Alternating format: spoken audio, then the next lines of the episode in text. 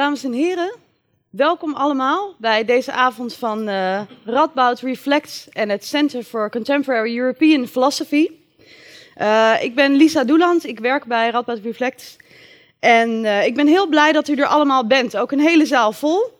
Er wordt wel eens gezegd dat Jacques Lacan het niet goed doet in Nederland. Dit bewijst volgens mij het tegendeel. Um, dat betekent niet dat het geen controversiële denker is. Misschien dat een aantal van u zomergasten gezien heeft afgelopen jaar met Damia en Denise. Uh, die volgens mij hele interessante dingen over Lacan zei. Dat het onbegrijpelijke in zijn denken, of het denken van het onbegrijpelijke, uh, hemzelf ook wel aansprak. maar Max Bam, een columnist van de Volkskrant, die vond dat heel raar. Die zei: Lacan, dat kan niet, dat is een charlatan. Misschien zullen we het vanavond ook nog wel daarover hebben. Maar ik denk dat een meer, meer, genuanceerde blik sowieso hoogtij zal vieren hier. Een inleiding is het ook vooral in Lacan als actuele denker. wij zijn heel erg blij dat Antoine Mooi hier vanavond is om die lezing te geven. Hij is psychiater, psychoanalyticus, filosoof, emeritus hoogleraar psychiatrische aspecten ehm, van de rechtspraktijk. En hij heeft al meerdere boeken over Lacan geschreven. Taal en Verlangen, uh, Lacans theorie van de psychoanalyse. En ik had het eigenlijk hier in mijn handen willen hebben. U kunt het ook uh, kopen straks aan het einde. Uh, een nieuw boek, niet alleen over Lacan gaat het trouwens ook over Cassirer, maar die staat minder centraal vanavond. Het boek In de greep van de taal. Het is een, een lezing van een minuut of vijftig Daarna zal uh, Philippe van Houten, directeur van het CCEP, reageren op de lezing en ook iets zeggen over, uh, over het boek. En daarna is het tijd voor gesprek uh, tussen Philippe van Houten en tussen Antoine Mooi. Met ook ruimte voor, voor u, voor vragen, opmerkingen. We gaan het allemaal zien. Ten eerste graag een warm welkom voor Antoine Mooi.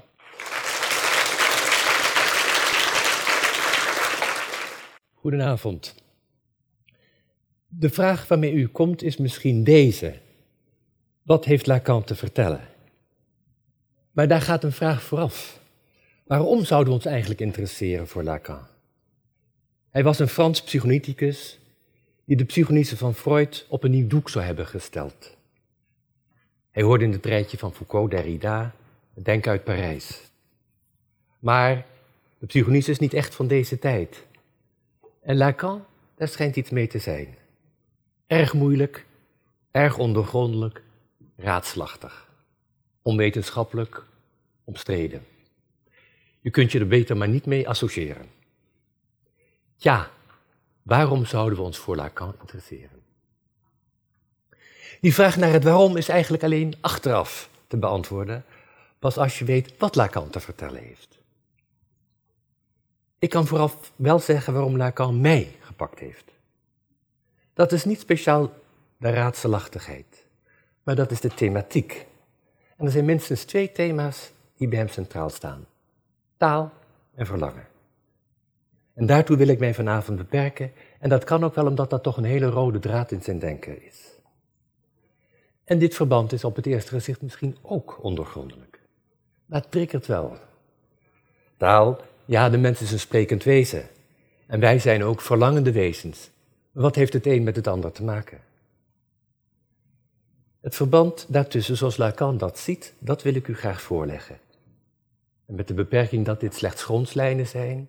En de tweede beperking dat het Lacan is zoals ik hem heb gelezen en begrepen. Maar ik sta er wel achter.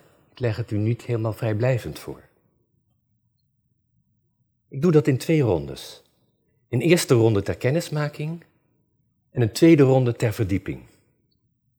En ik besluit met een overweging over het belang van zijn visie voor nu, voor de duiding van de cultuur van nu. En waarom de cultuur, de cultuur van nu? Wel, omdat Lacan een cultuurtheorie geeft. En dat wil ik als eerste verduidelijken. En dat brengt mij bij de eerste ronde, en die bestaat uit, twee, uit drie thema's: taal, verlangen en wat beide verbindt. Het eerste thema dus, taal. De filosofie van de 20e eeuw plaatste de taal in het centrum van de belangstelling. Men sprak van een linguistic turn in de filosofie. En daarvan is Lacan op zijn manier een vertegenwoordiger.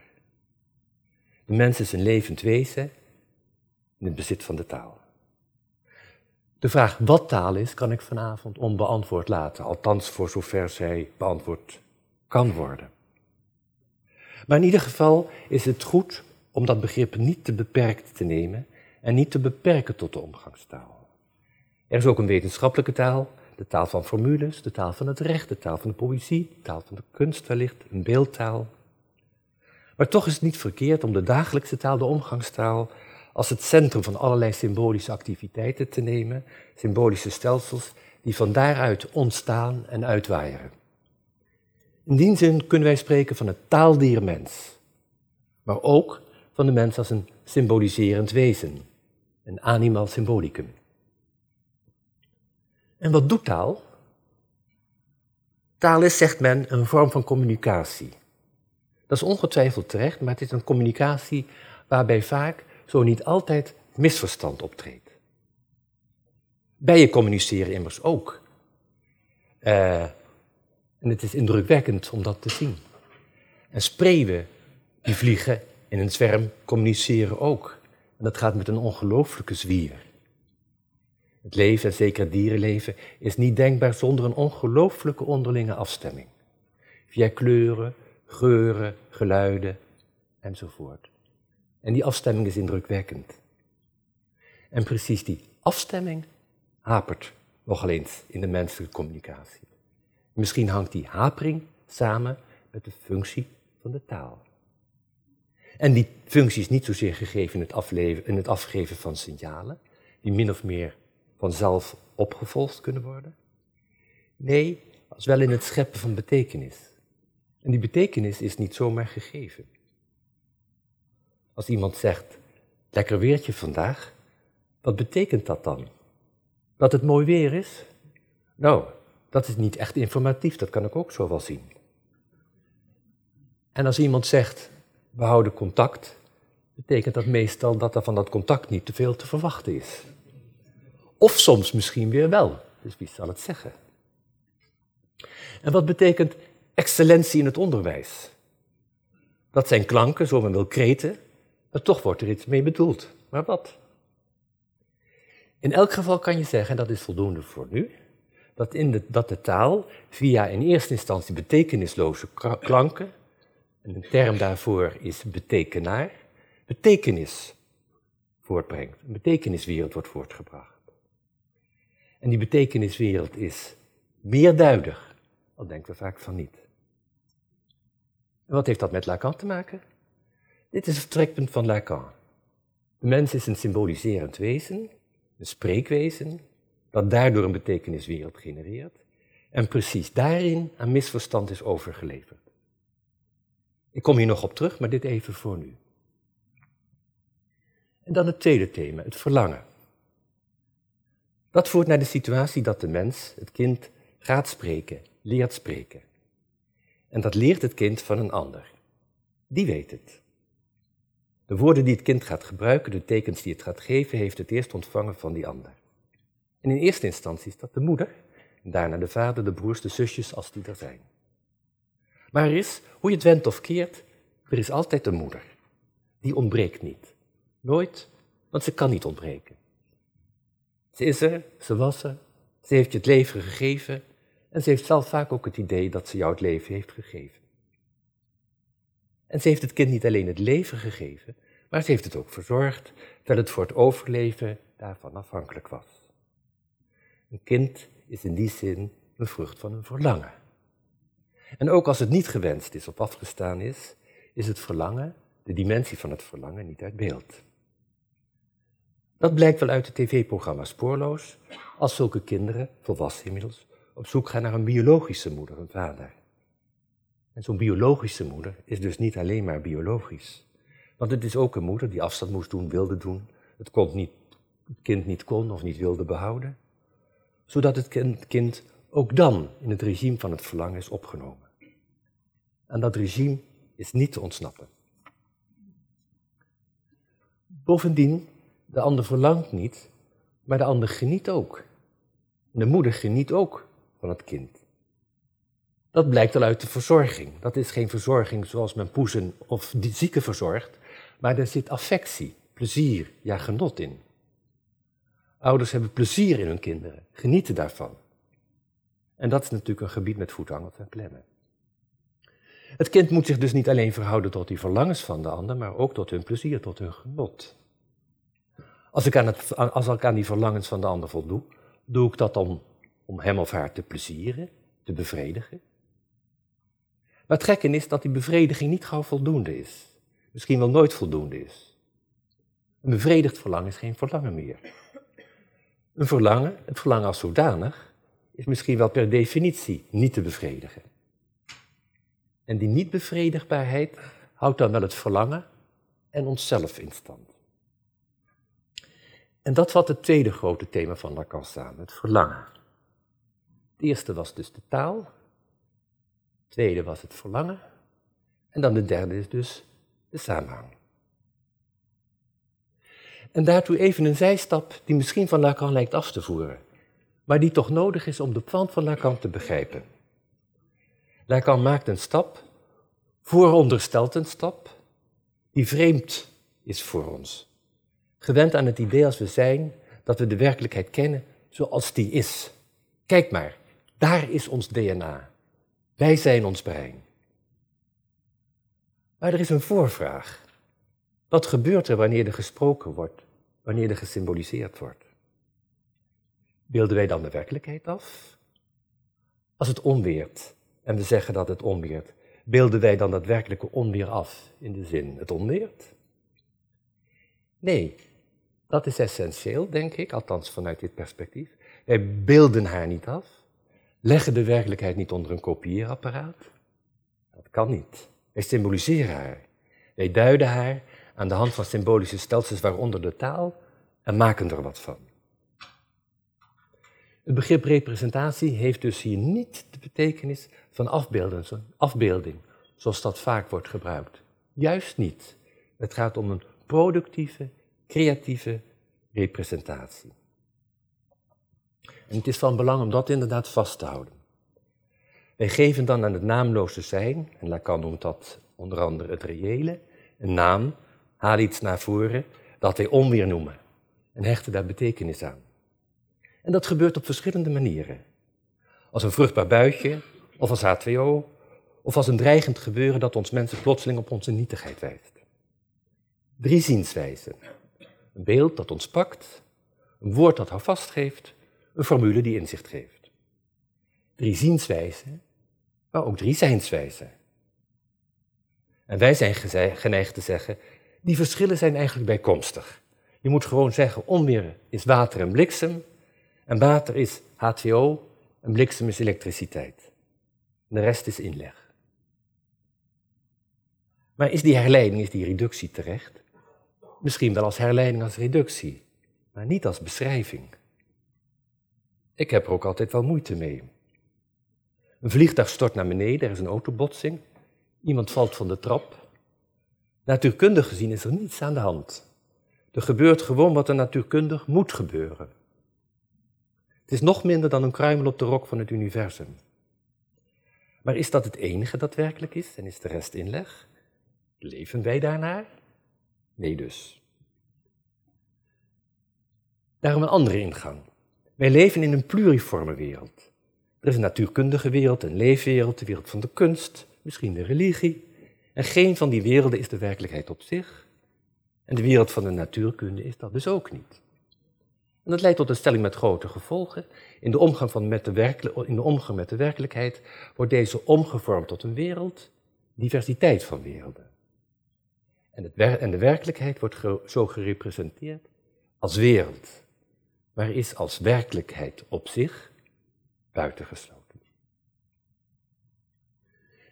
Dit is een visie op de verhouding tussen taal en werkelijkheid, denken en werkelijkheid, die ingaat tegen de gangbare dominante gedachtegang. En die heeft ook iets heel plausibels op het eerste gezicht. En dit naturalisme, dit naïef realisme zit diep in de tijdgeest van nu. En als je erover nadenkt, is het ook wel vreemd. Want het gaat ook zo tegen onze basisintuïties in. Denk aan onze reacties op de vliegramp, een ongeluk, een val van de trap. Volgens Lacan toont zich het reële juist daar. Maar daarover straks. Maar er is eerst minstens een zwaarwegend filosofisch gebaar, een filosofisch bezwaar. En dat tegenargument gaat terug op Kant. Want wat zei Kant? Kant, de grote filosoof uit de 18e eeuw, de aartsvader van de moderniteit, van de verlichting, zei ook al dat wij als mensen geen directe toegang tot de werkelijkheid hebben. En waarom niet? Wel, omdat wij onszelf nooit kunnen uitschakelen. Dat kan niet, dat is onmogelijk. En dat geldt dan ook voor de werkelijk als geheel. Die is ook niet los verkrijgbaar, los van ons. Wij kunnen haar dus niet kennen zoals zij aan zich, op zich zou zijn, uit zichzelf zou zijn, dan wel uit zichzelf begrepen kan worden. En daarmee is dan dat naïef realisme, wat nu zo gangbaar is, de pas afgesneden. Ook van het type, de mens is zijn brein. En is dat erg? Nee, want dan ontstaat er ruimte voor een veel meer genuanceerd realisme. En voor een pluralisme, een veelheid van perspectieven. Zoals de wetenschap, de verschillende perspectieven daarbinnen weer, het recht, de kunst. Ofwel de cultuur. En die cultuur is dan niet de hogere cultuur, Goethe, hoewel dat ook. Maar ze is ook het eten, sport, voetbal, allemaal cultuur. Niet de mens is zijn brein, nee, de mens is zijn cultuur. En wat doet die cultuur? Die snijdt ons af, maar niet van de natuur. Daar geeft zij juist vorm aan. De natuur van de natuurwetenschappen, de natuur van het bergbeklimmen, de natuur van het sublieme. Maar precies daarin snijdt ze ons wel af van een onmiddellijke aanwezigheid, een onmiddellijke toegang tot de werkelijkheid. Juist omdat zij betekenis toevoegt, via beelden, woorden, formules. Het paradijs van de zuivere onmiddellijkheid is afgesloten. Die woorden zijn niet van Lacan, maar van de filosoof Ernst Cassirer, een naam die ik hier graag toch noem, omdat dienstcultuurtheorie in het voetspoor van Kant toch zo verwant is aan die van Lacan. En wat doet Lacan? Die maakt die toevoeging van betekenis concreet. Concreter kan het haast niet in het eerste contact tussen moeder en kind. Want die césuur is niet abstract. Nee, wij voltrekken die op elk moment dat we iets doen, dat we iets zeggen. Maar er is ook een soort begin hiervan. Als kind. Die snede is dan ook in een begintijd gelegd, in het begin van het leven van ons. Als het kind gevoed gaat worden door de moeder. En de kind is een biologisch wezen, krijgt de melk, de grondstof waardoor het fysiek kan gaan groeien. Maar aan die melk, en dat is een beslissende stap, wordt ook betekenis toegevoegd. De moeder zal zeggen, kom, laat je voeden door mij. En dan gebeuren er twee dingen. Beide eigenlijk even essentieel. Dus de fysieke kreet, het kreetje van het kind dat misschien honger heeft, dat wordt opgevat als een vraag. En het krijgt dus ook de betekenis van een vraag. Nog voordat het kind een vraag heeft gesteld. En het wordt beantwoord met een vraag. Kom, kom bij me. En in eenzelfde beweging krijgt ook de fysieke melk eveneens een betekenis. Dat is niet alleen maar iets wat gevoed wordt en door het kindje gaat groeien in een consultatiebureau, maar het krijgt de waarde van een gift, van iets dat gegeven wordt en dat dus ook weer geweigerd kan worden. Daarmee wordt het geweigerd kan worden door moeder en kind. En het wordt daarmee een teken van liefde of van strijd of wat dan ook. En dat is een essentiële stap, waarmee het kind wordt ingevoerd in een gemeenschappelijke symbolische wereld, gevormd door de taal, regels, maatschappelijke gebruiken en in de interactie getrokken. En zo wordt ook lustbevrediging gevonden. Maar die is gedeeltelijk. Waarom? Precies omdat het via de route van de vraag en antwoord gaat, via de taal. Dan komt er ook een buitensluiting om het hoek. De mens, het kind, is afgesneden van een onmiddellijke bevrediging. Die borst, die primaire borst, is buitengesloten. Want het wordt de borst van de moeder, kom bij me. En precies dat buitengesloten zijn maakt het verlangen naar een borst mogelijk die niet intrusief is, niet indringend is. En dan ook bindingen zijn affectieve relaties mogelijk. En dan is deelbevrediging mogelijk. En allerlei vormen van groter en kleiner genot. Maar de totaalbevrediging is onmogelijk. Die is dan buiten bereik. Maar precies dat buiten bereik, zal Lacan zeggen, houdt het verlangen naar verdere bevrediging in stand. Nog eentje, nog eentje. Al was het maar om het af te leren, zoals men zegt. Precies omdat men wel beter weet, het houdt nooit op. Dit is de grondlijn eigenlijk van Lacan.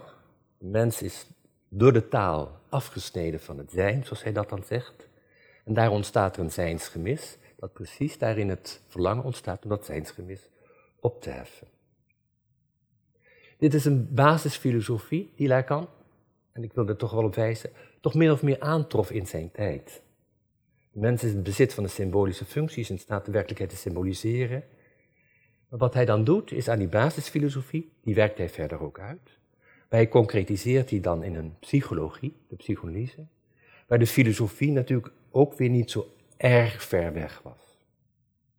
En dat wil ik dan laten zien in de tweede ronde. Maar eerst even een intermezzo, want wie was Lacan en wat was zij? Wie was Lacan? Het is echt wel nodig om iets van de persoon van Lacan te vertellen, omdat Lacan als persoon altijd veel reuring gaf. En zoveel jaar na zijn dood dat nog steeds geeft. Hij zelf belichaamt als persoon lijkt het wel een soort rest waar men veel aan beleeft. Afkeer, verontwaardiging, bewondering, liefde en wat niet al. En vooral volgens twee lijnen, twee kanten. Bewondering of afkeer. Hij roept vaak heftige tweespalt op. Voor sommigen is hij een held, voor anderen vertegenwoordigt hij wat, wat men juist niet wil zijn, wat men juist weerzinwekkend vindt. Gelukkig, zo weerzinwekkend, zo'n aansteller ben ik ook weer niet. Iedereen voelt zich wel eens een charlatan of een oplichter. Maar de echte charlatan, die zit daar. En dat is Lacan. En met een zeker enthousiasme wordt hij dan neergesabeld. En Lacan speelde daar ook mee. Hij leefde van 1901 tot 1981 en was psychonicus die zonder universitaire aanstelling toch gedurende een kleine 30 jaar psychonitici, filosofen, wist, een tal van uh, beoefenaars van tal van wetenschappen wisten beoefenen, uh, beoefenaars van wetenschappen wisten boeien en tenslotte de Parijse wereld. Dat is geen geringe prestatie. En dat deed hij in een, wat hij noemde zijn seminair, een reeks van wekelijks, twee wekelijks gegeven colleges. Hij was dus niet ergens hoogleraar of iets dergelijks, met alle gemakken van dien. Maar hij moest zijn publiek als een echte performer maken. En dat zie je ook wel terug. Hoe dan ook, die colleges sloegen aan. Was de psychologische voor Lacan een onbekende vorm van psychotherapie? Nu kwam zij in de frontlinie van het cultureel debat te staan. En Alain Badiou vertelde onlangs, zei onlangs dus, als, als jongeman de colleges van Lacan had gevolgd, hij zei, hij was onze hekel. Dus toch een compliment. Een man met vele gezichten, maar toch zo herkenbaar als wat. Er was er maar eentje zoals hij. Hij kon speeld zijn als een adolescent, een adolescent die hij ook altijd gebleven is. En daarnaast ook weer intimiderend en pontificaal. Ongemanierd, maar in staat tot de finesse van de Franse courtoisie. Zoekend van de goede, eh, naar de goede formulering met heel veel voorbehoud, maar ook de meester van de one-liners toen die nog uitgevonden moesten worden.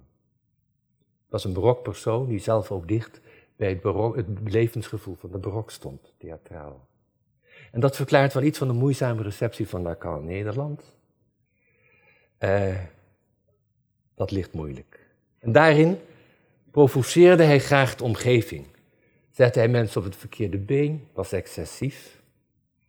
En dat verklaart ook zijn moeizame receptie, zijn slechte reputatie in Nederland. Wij zijn van het compromis en hij van het conflict. En hij leefde, dat is het minste wat je ervan zeggen kan, op gespannen voet met zijn omgeving. En dat gegeven vind je heel sterk terug in zijn theorie. Als deze, de stelling, de mens heeft een gespannen verhouding tot zijn omgeving. Dat dringt altijd.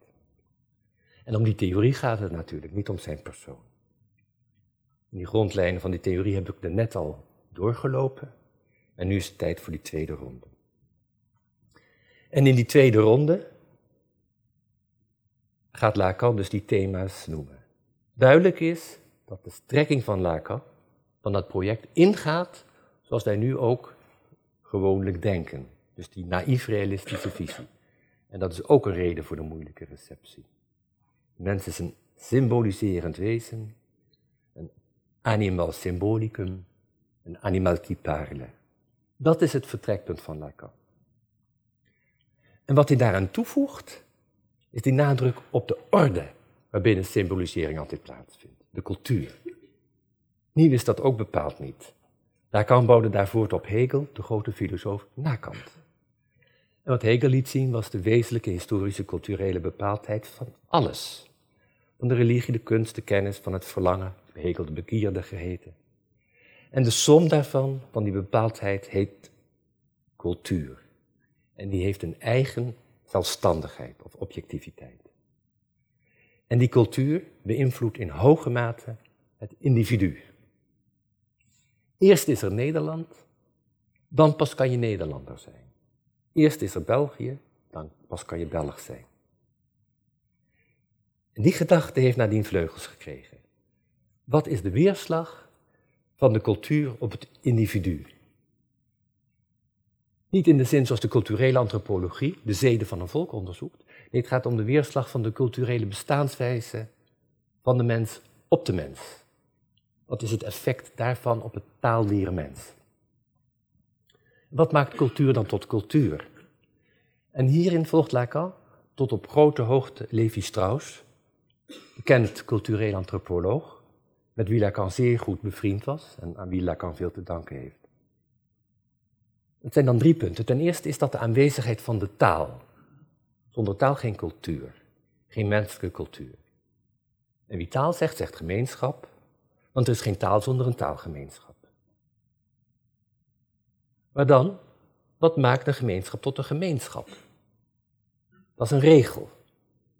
Een regel voor het seksuele verkeer, dan komt Levi Strauss om de hoek, het incestverbod. Dat houdt globaal gesteld in dat je niet met iedereen seksueel verkeer mag hebben. Of anders gezegd, dat je geen familie mag stichten met wie je al familie bent, van wie je al familie bent. Die orders moeten uit elkaar gehouden worden. Die orde van de natuur en van de cultuur. dat is dus het tweede punt, na taal, de familie.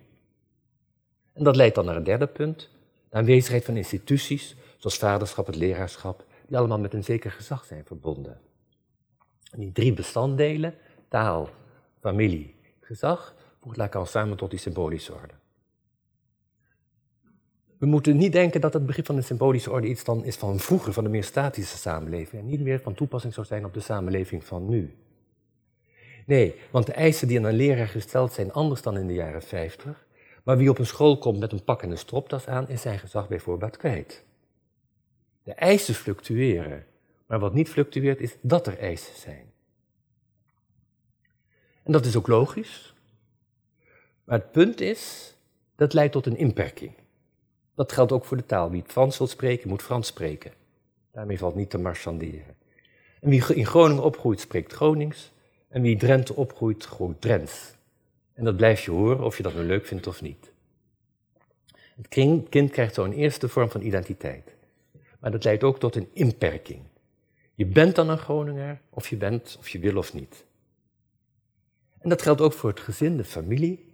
Ook daar circuleert een boodschap. Er zijn jongens en meisjes, man en vrouw. En er is een verschil tussen generaties. Ouders en kinderen. Er is dus ook een inperking, een incestverbod. En tenslotte geldt dat ook voor toebehoren aan de groep. Ook daar moet je je voegen. En nu niet minder dan vroeger. Vast niet voor toebehoren aan de groep. Zeker met al die ideaalbeelden die nu. Hoe moet je zijn om erbij te horen? Maar in wezen is dat dus niet nieuws. De taaldiermens identificeert zich met een groep naar een voorbeeld dat gezag heeft. En in die zin is het ook een groepsdier. Dan ben je degene die erbij hoort en ook weer niet. En dat wringt ook. En in dat wringen, ja en nee, ligt dan een soort singuliere identiteit. Je bent wat ze zeggen dat je bent en ook weer niet. En die spanning heeft Lacan op het oog. De taal is niet het enige medium waarbinnen symbolisering tot stand komt. En identificatie, want dat gaat samen. Maar er is ook, al net, het beeld. Naast de orde van de taal en van het symbolische, is het, zal Lacan zeggen, dus ook een imaginaire orde, die van het beeld. En die hoort ook tot de cultuur. En die imaginaire orde is in zekere zin nog effectief voor de intree taal. En die, na, die daarna ook effectief blijft. Een kern hiervan is het spiegelen. Met als kernfenomeen het spiegelstadium. Een begrip dat algemene bekendheid heeft gekregen. Iedere ouder kan het zien als hij oplet. Het is ook spectaculair. Het moment dat het kind, zo met een leeftijd van anderhalf jaar, zich voor het eerst in de spiegel ziet. Het ziet dan een beeld dat eerst een soort bevreemding oproept. Wat is dat? Met een omslag dat het zich in dat beeld herkent.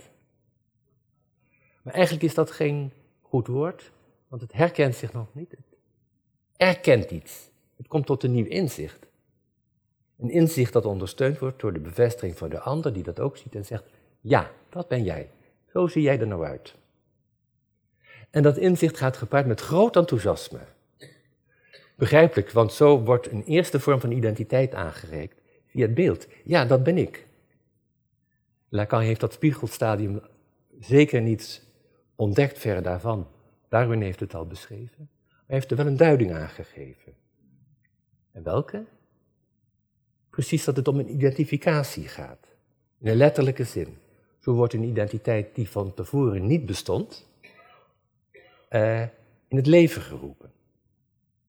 En daarom houdt ook deze vorm van identificatie een vorm van vervreemding aan. Hè? Dat houdt hij altijd vast, dus dat wringt altijd.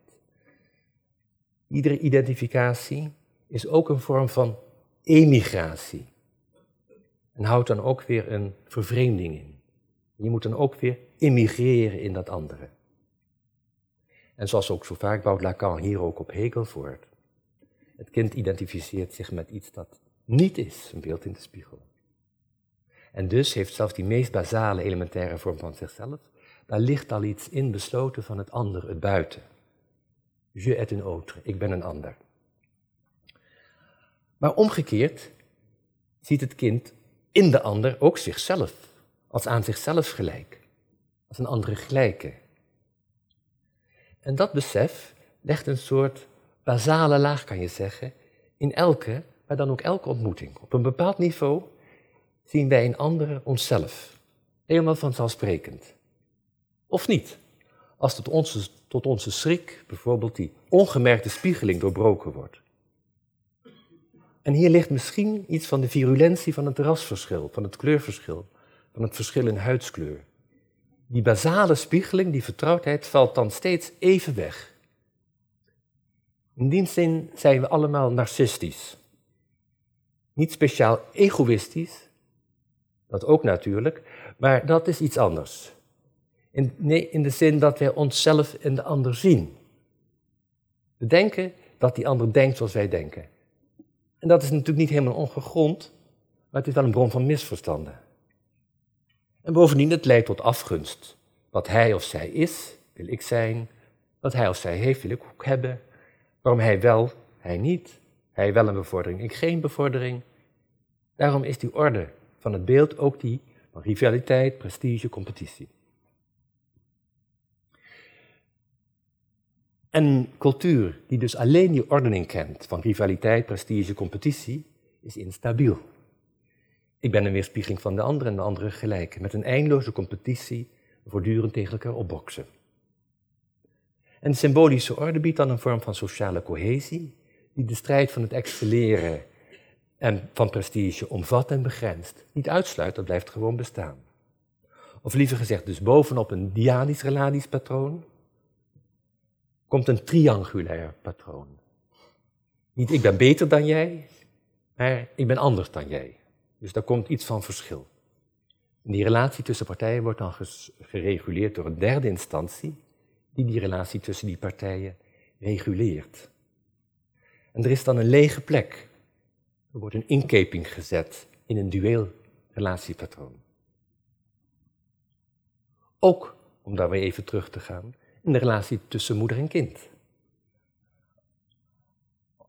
Als de moeder tegen het kind zegt bij terugkeer van haar werk: Ik heb je zo gemist, met als bijboodschap: Jij hebt mij toch ook gemist? Zegt dat het niet waar is. Dan zit er een soort. Waarbij het kind zich dan moet positioneren als compliment van de ander. Zoals altijd uit angst voor het liefdesverlies. Wat weer tot het verlangen kan leiden. Kinderen zijn excessief. Het object van haar verlangen te worden. En die inkeping in die verhouding dan, die ook heel vanzelfsprekend is, wordt dan gezet door de wet, zal ik al zeggen. De wet die een incestueuze relatie verbiedt. Die wet die heeft een naam. Lacan noemt hem de naam van de vader. En dat is een belangrijk concept voor Lacan, waar hij eigenlijk ook zijn hele leven mee geworsteld heeft. Het duidt niet op de feitelijke vader, die van vlees en bloed, maar op de vaderfunctie, de instantie die scheiding inbrengt in de relatie tussen moeder en kind. En dat wil zeggen, die feitelijke vader is daartoe niet primair noodzakelijk. Kan ook heel goed zonder. Dat zien we natuurlijk ook al lang gebeuren. Maar die vaderfunctie moet wel op een bepaalde manier geïncarneerd zijn, die moet blijken. Bijvoorbeeld uit het doen en laten van de moeder, uit haar gebaren of uit haar beslissingen. Wat dan ontstaat, en dan ontstaat er ruimte, komt er lucht in de relatie. Ruimte voor een derde, voor het perspectief van een derde. En van daaruit kan het kind dan ook zichzelf, het eigen verlangen in relatie tot de ander, ontwikkelen en onderzoeken. Gaan onderzoeken. Wat wil die ander van mij? Wat wordt er eigenlijk van mij verwacht hier? Heb ik daar zelf enig idee van? Heb ik daar wel zin in? Het zal duidelijk zijn dus dat die naam van de vader losstaat van de rol van de vader in een eventueel patriarchale samenleving. Het is eigenlijk veel basaler. Het is veel elementairder. Sterker nog, in een soort matriarchale samenleving, of in een samenleving waar de moeder toch de centrale figuur is, is die rol van die naam van de vader evenzeer belangrijk. Of juist daar waar de feitelijke vader uit beeld is. Zoals bijvoorbeeld in onze moderne, hypermoderne relatie met vele korte flexrelaties het geval is. Maar daarover, over die vaderkwestie, kom ik nog tot slot terug. We hebben het nu gehad over de vader, verlangen, de taal. En dat is voor Lacan samen het symbolische. Daarnaast is toegevoegd het imaginaire, het beeld. En alles wat erbij komt. En dat zijn twee vormen van representatie, taal en beeld. En wat gebeurt er in die representatie? Nou, dat kwam al vaak langs. Hè? Maar daarom ter afronding van die tweede ronde nog een enkel woord daarover. In die representatie wordt het naamloze zijn omgevormd tot een wereld en wordt een onmiddellijkheid buitengesloten, zal Lacan zeggen. En Lacan spreekt hier dan van jouissance, een begrip dat inmiddels wel bekend is geworden, genot met een hoofdletter. En dat voedt het verlangen, wat leidt tot deelgenot, onder buitensluiting van dat totaalgenot, van dat directe genot. Maar daarvan, van dat directe genot, gaat wel een zuigkracht uit. Dan wordt de omweg, de omweg van het verlangen omzeild in een zoektocht naar direct genot, zonder uitstel. Via shot. En zo zijn er natuurlijk allerlei sluiproutes en tussenzones, die elk voor weer zich een eigen type van bevrediging, van genot, opleveren. En het is typisch voor Lacan, zal niet verbazen als persoon, dat hij heel veel sympathie had voor zulke vormen van transgressie, van grensoverschrijding. En voor de mensen die dat deden. Zoals Antigone, dat meisje uit de Griekse tragedie, die haar broer tegen het verbod in, hoe dan ook, wil begraven. Maar toch, ondanks die sluiproutes, ondanks die ontsnappingsroutes, blijft toch staan, dus die volheid van het zijn, het grote genot, die jouissance, is buitengesloten. En dat geldt dan ook voor het reële, wat, voor het, het naamloze zijn. Wat hij dus het reële noemt. Ook het reële. Dat reële, dat naamloze zijn, heeft dus niet heel veel te maken met de realiteit. Juist niet, het is er de keerzijde van. Het reële is datgene dat geen, dat geen ingang vindt in de realiteit. Het is het te veel. Het te veel om te verwerken. Het punt waar ons symboliseringsvermogen tekortschiet, de limiet overschreden wordt. Het is dan ook het trauma, waar betekenis wegvalt, weggevaagd wordt. Je bent dan ook, zoals dat heet, van de wereld, verdwaasd. Dat wil nog niet zeggen dat het werkelijk op zich, het reële op zich, intrinsiek geweld zou zijn. Wat Lacan in latere jaren wel lijkt te zeggen. Nee, dat lijkt me meer een metafysica van een persoonlijke kleuring. En ook niet nodig, het is ook een misvatting, denk ik. Een tsunami is voor ons, voor ons mensjes, geweld, maar niet voor de vissen en ook niet voor de tsunami zelf. Dus ook het reële moet functioneel geduid worden. In de zin van wanneer zich iets meldt dat traumatisch is, blijkt dat dat dan van de orde van de reële is. Maar wat voor de een traumatisch is, is dat niet per se voor de ander. En daarmee zijn dus de ordes, de drie ordes waarmee Lacan werkt, samengevat. Het symbolische, dus de taal, het verlangen. S. Het imaginaire, het beeld, I. En het reële, de onmiddellijkheid, R. R, S, I. En de duiding daarvan verloopt, verschilt in de loop van de tijd, maar de indeling zelfs niet. En de laatste vraag ter afronding nu. Is het mogelijk met dit schema RSI ook iets over de eigen cultuur te zeggen? De vraag ligt voor de hand, het hoort bij een cultuurtheorie ook iets over de cultuur van nu te zeggen. En het thema staat natuurlijk hoger op de actuele agenda.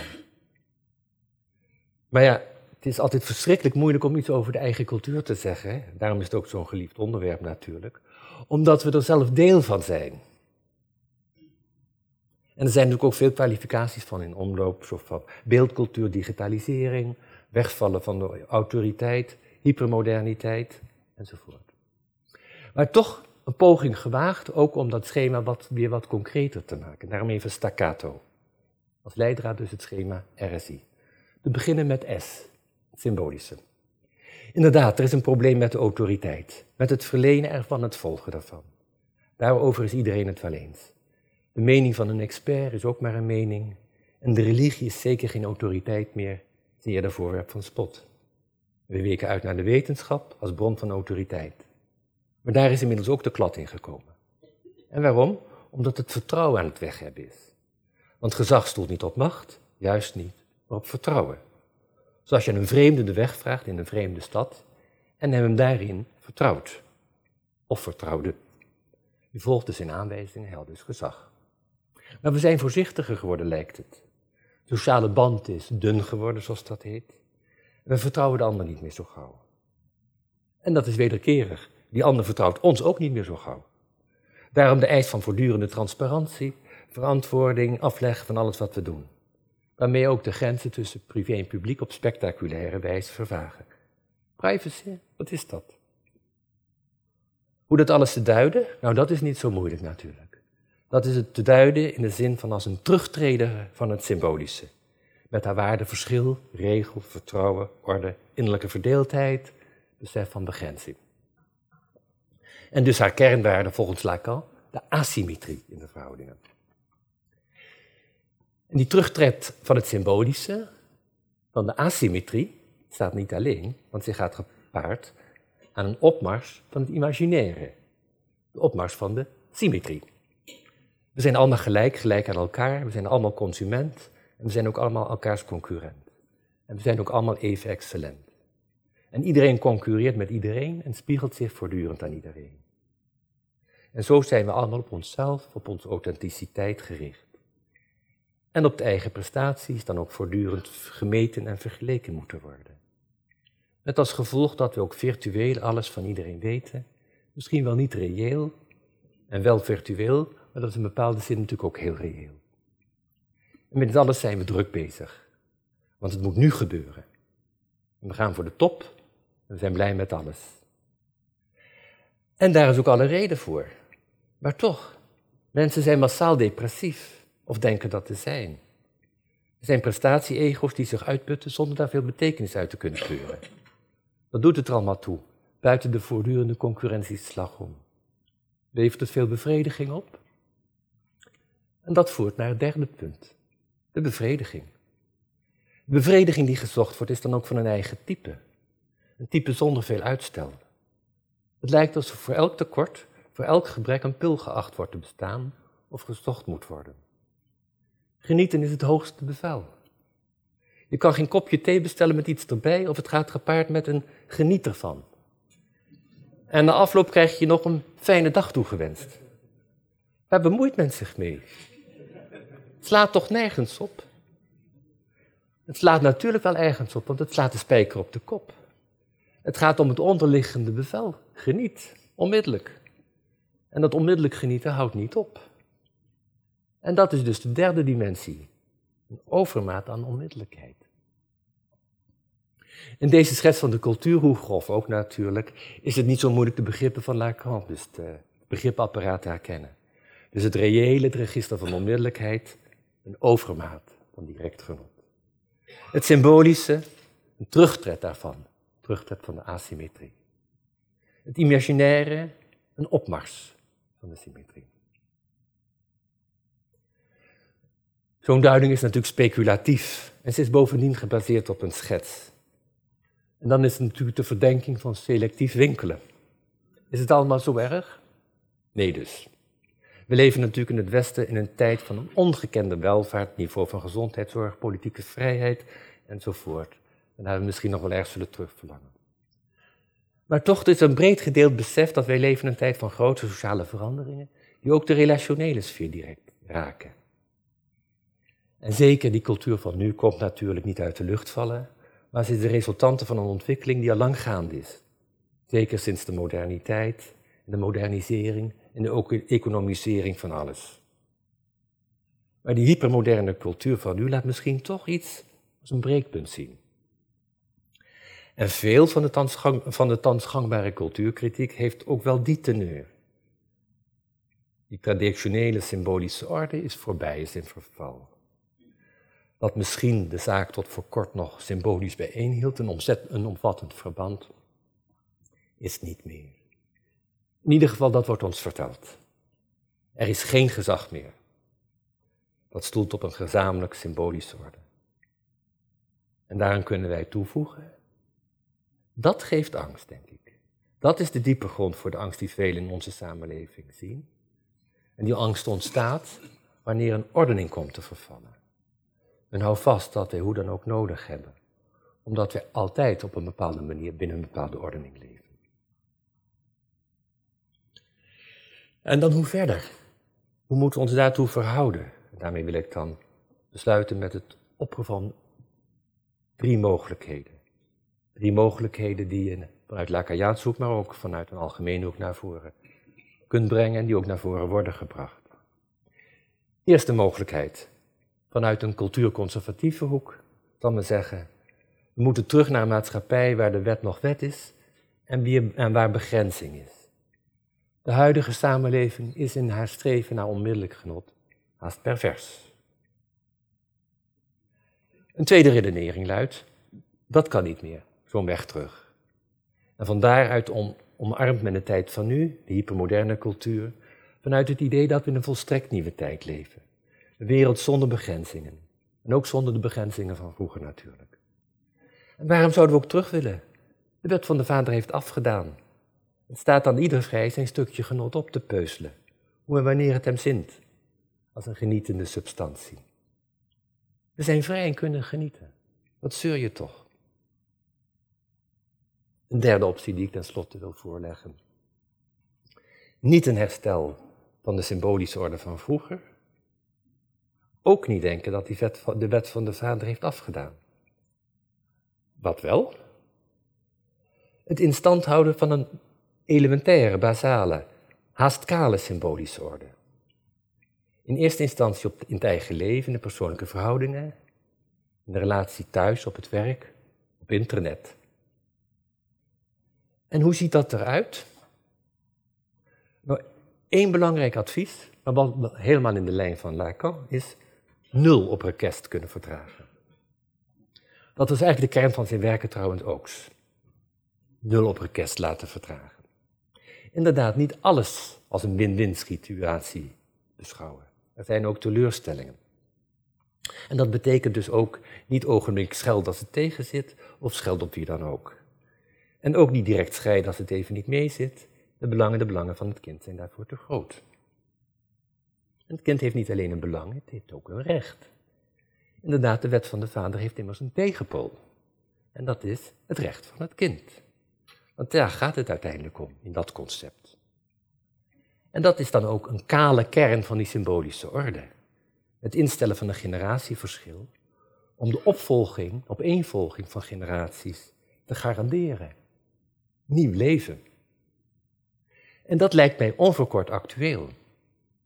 Een kind is niet alleen maar een kind in de zin van we nemen een kind waarnaar we verlangen, waarvan we genieten als het zo uitkomt. We leven niet alleen maar in het nu. Als het kind er is, is er een zelfstandig wezen met een fundamenteel recht. Een recht op opvoeding en duurzame zorg. Hoe dat concreet in te vullen in ieders leven, en ook in de samenleving natuurlijk, en in de familie, is aan ieder voor zich. Maar dat verandert niet veel aan de zaak zelf. Er is iets van een orde die persoonlijke voorkeur van het moment te boven gaat. Al ligt dat soms wat moeilijk. Voorkeuren die bovendien overwogen kunnen worden, waartoe de symbolische functie in staat stelt. De zaak heeft verschillende kanten altijd. Hè?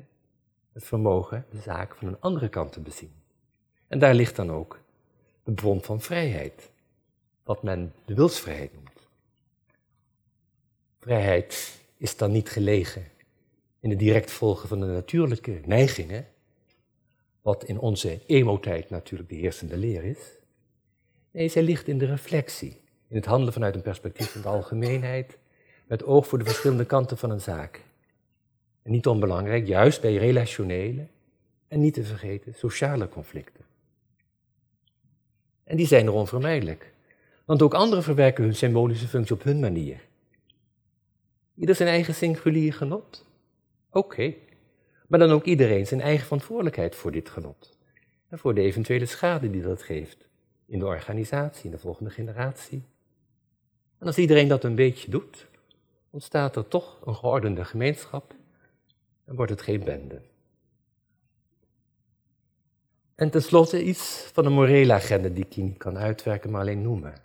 En dat betreft dan die morele kern die eigen is aan de cultuur als zodanig. Wil die blijven, wil die duurzaam zijn. Want dat impliceert een ethiek van het verlangen. Dat is een ethiek van het verlangen, verlangen dat enig uitstel kan verdragen. Is dan ook een ethiek van de duurzaamheid. Maar dat is niet de duurzaamheid van de natuur, waar het zo vaak over gaat, maar een duurzaamheid van de cultuur. En die duurzaamheid doet er vooral toe. En dat is een ethiek, nogmaals niet van het directe genot, maar van het verlangen. En dat verlangen houdt hoe dan ook altijd een onderzoek in naar dat verlangen. En zoiets pakt dan vermoedelijk ook wel voor de duurzaamheid van de natuur goed uit.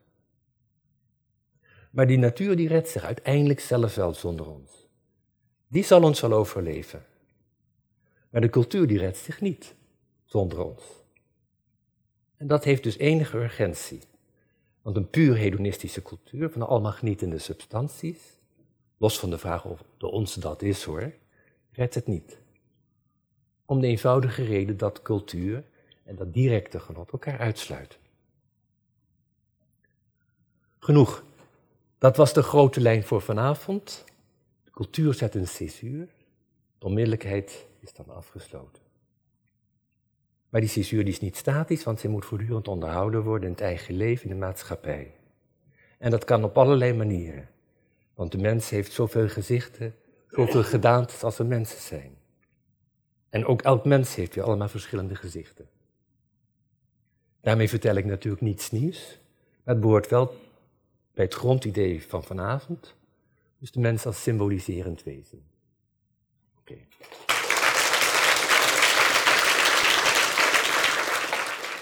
Ik ga proberen van het niet te lang te maken. Um, Anton Mooi heeft een inderdaad erg mooi boek geschreven. De woordspeling is wat goedkoop, maar daarom niet minder waar. Anton Mooi, de ouderen zoals ik zelf uh, weten dat, heeft Lacan in het Nederlands taalgebied in boekvorm geïntroduceerd. Zijn Taal en Verlangen uit 1975 is lang een toonaangevend referentiewerk gebleven. En ik kan dat zeggen, het is een van de eerste boeken die ik zelf, als ik student was, uh, over Lacan las. En het is dus in zekere zin ook een beetje speciaal voor mij, nog altijd, na al die jaren, um, om met Anton daarover te discussiëren, aangezien hij eigenlijk een van de eerste uh, is geweest die mijzelf in Lacan heeft geïntroduceerd. Maar met dit nieuwe boek, uh, In de greep van de taal, dat zowel de primaire als de secundaire literatuur die sinds 1975 is verschenen in rekening brengt, doet hij die oefening eigenlijk nog eens over. En daarmee staat Lacan terug in het Nederlands op de agenda. Dit overigens, voor wie het al gezien heeft, erg mooi uitgegeven boek. Ik vind dat ook de uitgever echt een pluim verdient. Dit boek staat overigens in de traditie van grote Nederlandstalige boeken uit het verleden. Ik denk aan de nieuwe inleiding tot de existentiële fenomenologie van Luiten, de geschiedenis van de fenomenologie van Bakker, mens en expressie van uh, Quant, filosofie en retoriek van Sam Eisseling. Grote boeken uit het verleden, boeken waar ik ben mee opgegroeid en mensen wat ouder wellicht ook, die vandaag niet meer of te weinig geschreven worden.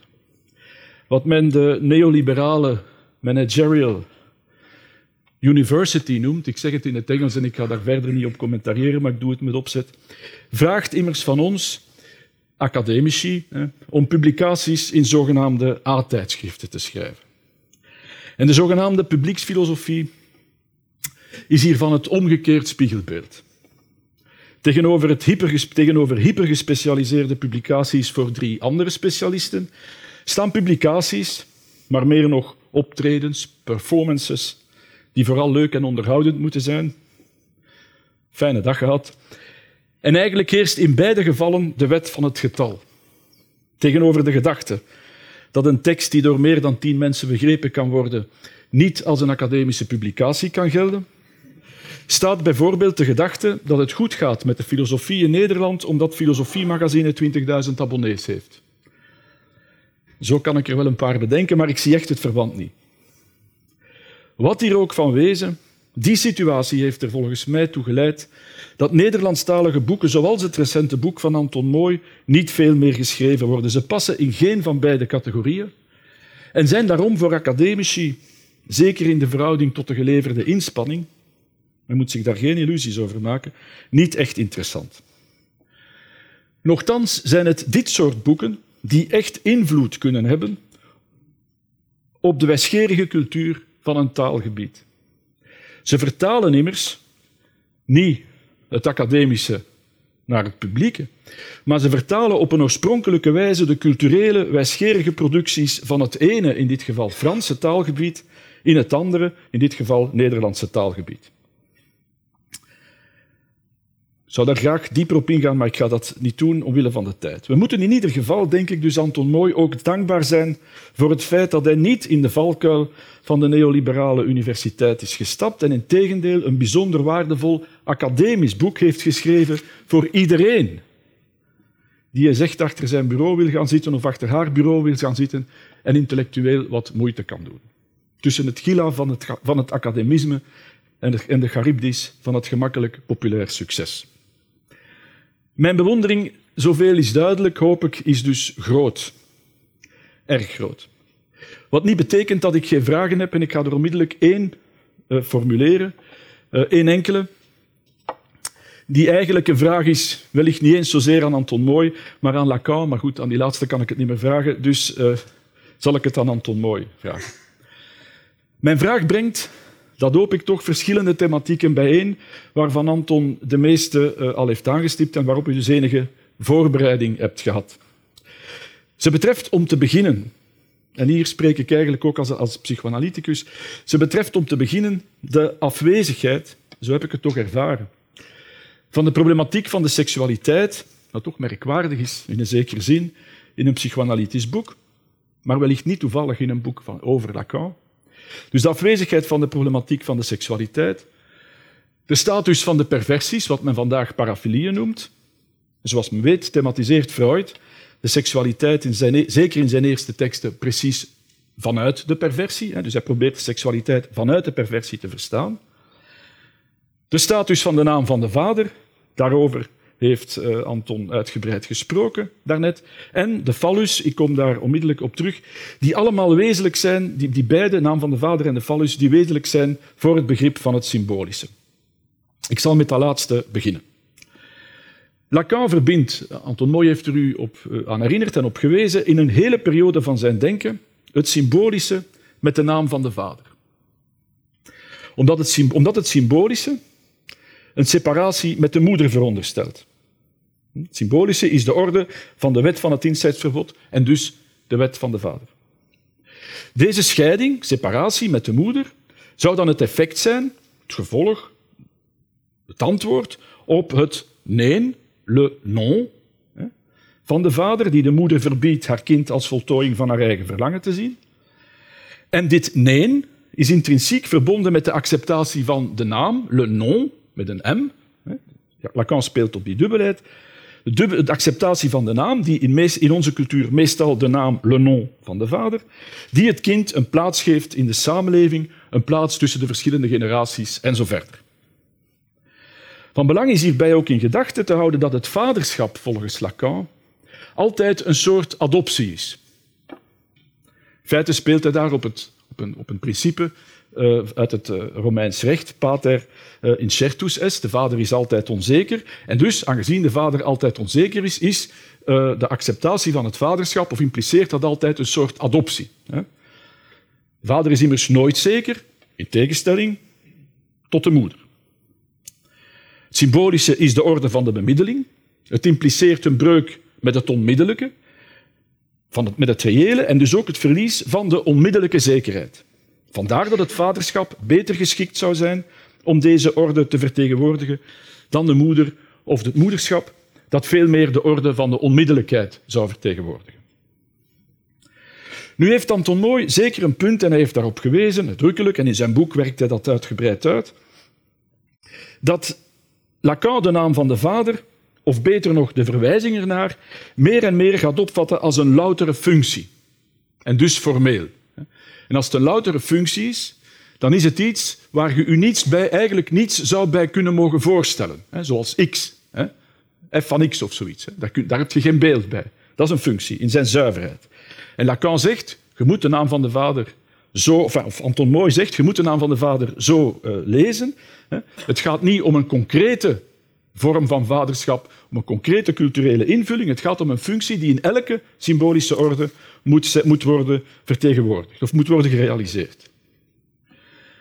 Wanneer nu de naam van de vader formeel moet worden opgevat, dus los van inhoudelijke culturele invullingen, denk bijvoorbeeld aan het Freudiaans-Oedipus-complex, dan moet dat uiteraard ook voor de fallus gelden. Ik ga daar niet veel over zeggen, over die fallus, maar alleen het volgende. Volgens Lacan is de fallus de betekenaar van het tekort, die door de metafoor van de vader psychisch ingeschreven wordt. Dat wil zeggen, hij zegt in feite, wie zich onderwerpt aan de naam van de vader, die accepteert het tekort, het einde van de onmiddellijkheid, en dat, is, dat staat gelijk aan de inscriptie van wat Lacan de fallus noemt. Goed. Nu, ik heb in deze zaal ooit, en dus die fallus, dat is mijn punt, moet ook formeel begrepen worden. Dat is een functie. Nu, ik herinner me dat ik ooit in dezelfde zaal, deze zaal, aan Judith Veer gevraagd heb waaraan zij dacht. Is te zeggen welke voorstelling zij zich maakte wanneer zij de betekenaar fallus hoorde. Ik vraag het nu aan Anton Mooi en ik vraag het aan u allen.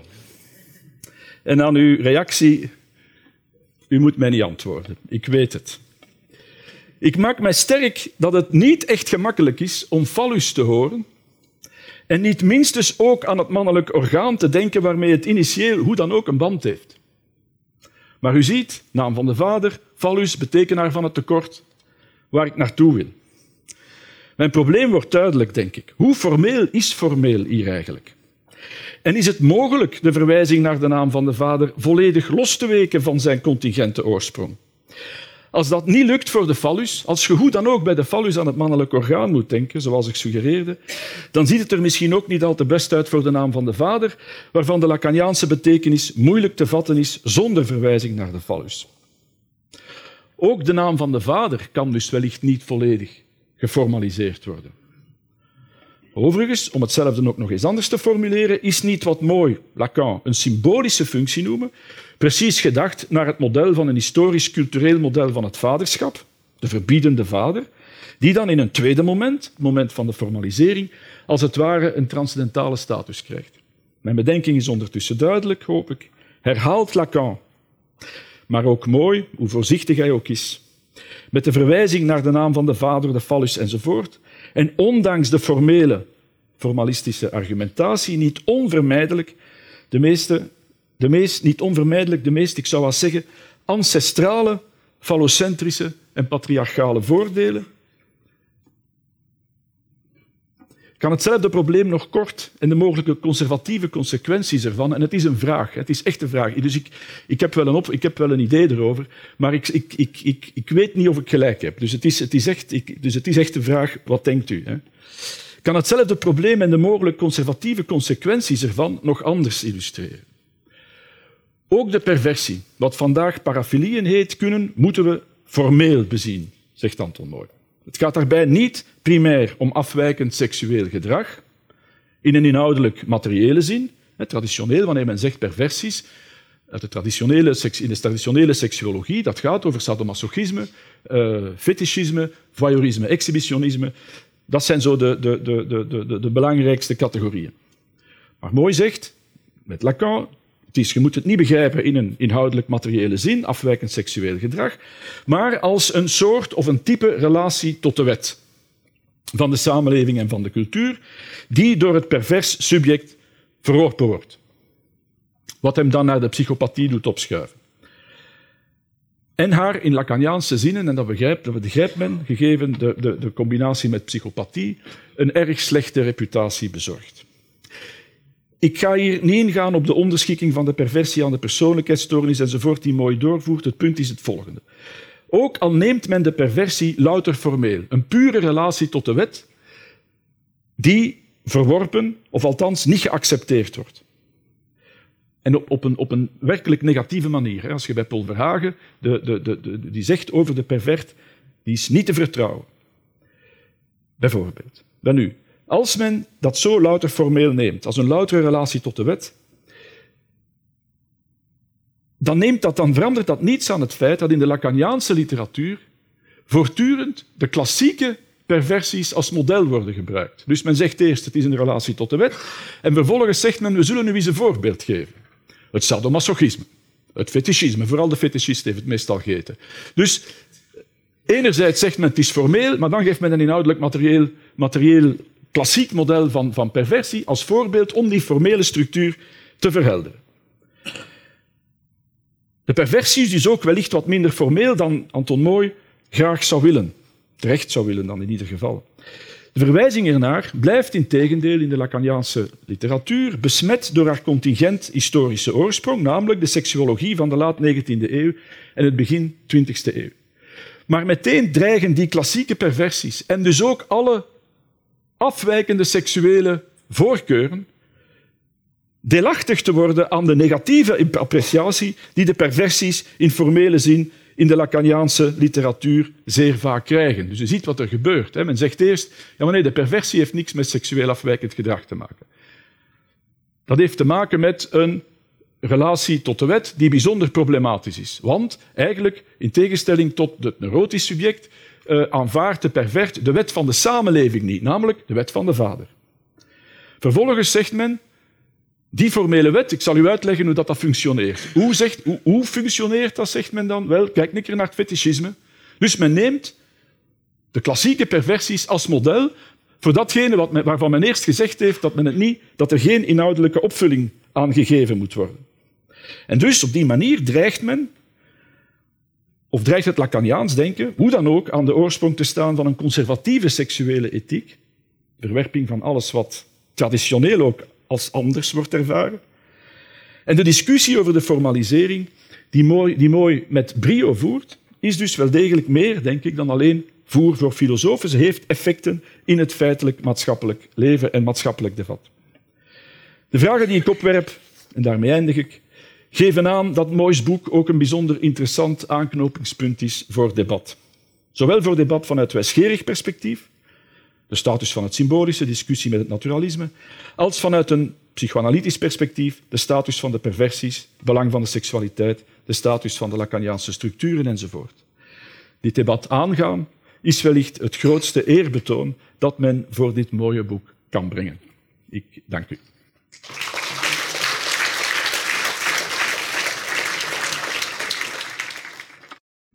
Hartelijk dank. Uh, nogmaals voor uw lezing en uh, Philip van Houten voor uw reactie daarop. En ik denk dat we maar gewoon moeten beginnen bij de, de, de vragen die door Philip van Houten zijn opgeworpen. Die volgens mij nou, uiteindelijk samengevat kunnen worden in de vraag, maar misschien simplificeer ik nu weer te veel. Ik vind het eng. Um, uh, uh, wortelt de psychoanalyse niet veel eer ook in een praktijk en hoe ver kun je gaan in de formalisering daarvan? In ieder geval, zo heb ik het uiteindelijk opgevat. Ja, ja. ja ook heel hartelijk dank voor het, uh, het commentaar en de vragen. Um, om te beginnen met um, de naam van de Vader. Um, de vraag is of, ja, dat, of ik dat zo kan losweken toch uit de contingentie waaruit het is ontstaan, of, ik, of dat lukt zo. Of, je, of dat het altijd toch niet, ook al proberen het te generaliseren of functionaliseren, dat het toch die, die, die index van die contingentie blijft behouden. En um, het is zeker zo dat ik dat geprobeerd heb ook. Uh, en eigenlijk ook nog wel iets verder gaan dan uh, um, um, wat Lacan dus ook op een gegeven moment zegt, zo van uh, die verbiedende vader. hij heeft er altijd mee geworsteld ook zo, dus het is absoluut zo. Maar op een gegeven moment toch inderdaad ook, denk ik, gaat die toch in deze richting toch toch puur formeel zien. En dan gaat hij toch heel erg zeggen dus dat die traditionele interpretatie daarvan als Oedipus toch tijdgebonden is. In het laatst gaat hij daar toch ook wel echt ver in. Laat ik het zo zeggen, om die twee vragen samen te nemen. Um, kan je dat helemaal los... Nee, te, te, te, toch te, te, beginnen met die naam van de vader... kan je dat dan inderdaad ook loszien van de... de de vader zelf. Mm. Um, ik denk dat dat eigenlijk toch de essentie is van het geheel, om toch die, vader, die vaderfunctie overeind te houden. Juist uh, wat Lacan op het laatst doet, is. Uh, ja, hij is dan heel somber ook, en daar heeft het dan over dus de dim, desastreuze neergang van de vaderfunctie. Uh, ik denk dat hij daar eigenlijk ook te, te somber in is. Dus dat die vaderfunctie toch uh, een essentiële structuur is die ja, voor ons gekoppeld is aan de vader, maar allerlei vormen invulling kan krijgen, maar wel toch die, die, uh, uh, die binding toch ook, ook behoudt, ook moet behouden. Um, maar moet daarbij niet te zeer. Dus op plaats begon ik met het recht van het kind eigenlijk. Hè? Mm. Dus uiteindelijk gaat het om het recht van het kind. Om het, het, het erkennen van. Dus het is niet het verlangen van jou of het genieten van jou. En ook niet het verlangen van mij. Maar het gaat om die, dat er dus een derde ruimte in de ruimte van een derde is. Waar dus het kind als een zelfstandige positie kan innemen. Positie als een zelfstandige entiteit kan worden erkend. En daar dus ook een eigen positie kan innemen. En ja, dat is weer niet, dat is ook wel weer ja, universeel zou ik zeggen. Het is ook niet voor niks, ik, heb daarin ook in wezen een beetje verwezen ook naar Hegel, zo van, die gaat, heeft het ook over het belang van het kind. En, het, en niet het belang van het kind, maar het recht van het kind. En, het, en ja, dat doet de moeder, de meer symboliek. Dat doet de vader, uh, als die er is. Uh, en de moeder ook als die er is, of dat doen de verzorgings enzovoort. En dat doet de samenleving ook. Maar het gaat er wel om, dat, dat, daar gaat het mij om, een wet. Ik noem het ook elders de wet van de cultuur. Dus uh, het is iets, dus het gaat om, om die exterioriteit. Dus ik hecht ook inderdaad ook niet eens zozeer omdat dat de vader is, maar dat er wel een wet is in het gezin, in het samenlevingsverband, maar ook in de maatschappij, op grond waarvan ook de, de personen weer aangesproken kunnen worden. Maar dat is dan een wet die steeds overal terugkeert, die en dat in die is zin dan, niet tijdgebonden ja, is. Ja, dat is dan in die zin, dat is dus in mijn straatje zo. In, dan is het antwoord, dat is mijn antwoord op de, op de vraag. Zo van, op die, kun je op deze manier toch aan die gebondenheid en die contingentie ontsnappen. Daarnaast staat weer tegenover, ik moet zeggen dat ik het ook niet weet hoor, in zoverre, omdat die rol van die vader is natuurlijk ook zo ontzettend ingewikkeld. Ook omdat hij ook als persoon, natuurlijk als hij er is, nu ook weer zo ontzettend belangrijk is. Dus je kunt ook niet zeggen dus dat de vader er niet toe doet. Dat kan je ook helemaal niet zeggen, want dat is ook helemaal niet zo. Dat zeg ik ook helemaal niet. Het gaat alleen om dat hele, absoluut totaal niet. Het gaat alleen om die basale functie, dat die uh, in het gezin en in de samenleving erkend wordt. Uh, en dat geldt ook voor die vallers, want ik, ja, ik ben het ook wel met je eens dat dat ook wel. Uh, ja, dus dat roept natuurlijk de, de, de, het idee op van het geslachtsverschil, maar ook natuurlijk het idee van de, de vallers in de, van de vallersverering, de grote vallers, de vallers als symbool van de vruchtbaarheid enzovoort. Um, twee dingen. Het verwijst naar het geslachtsverschil, in zoverre dus dat mensen dus, zeker in onze samenleving, toch, wij vinden dat verschil tussen man en vrouw erg belangrijk. Uh, en dat blijft ook voorlopig zo.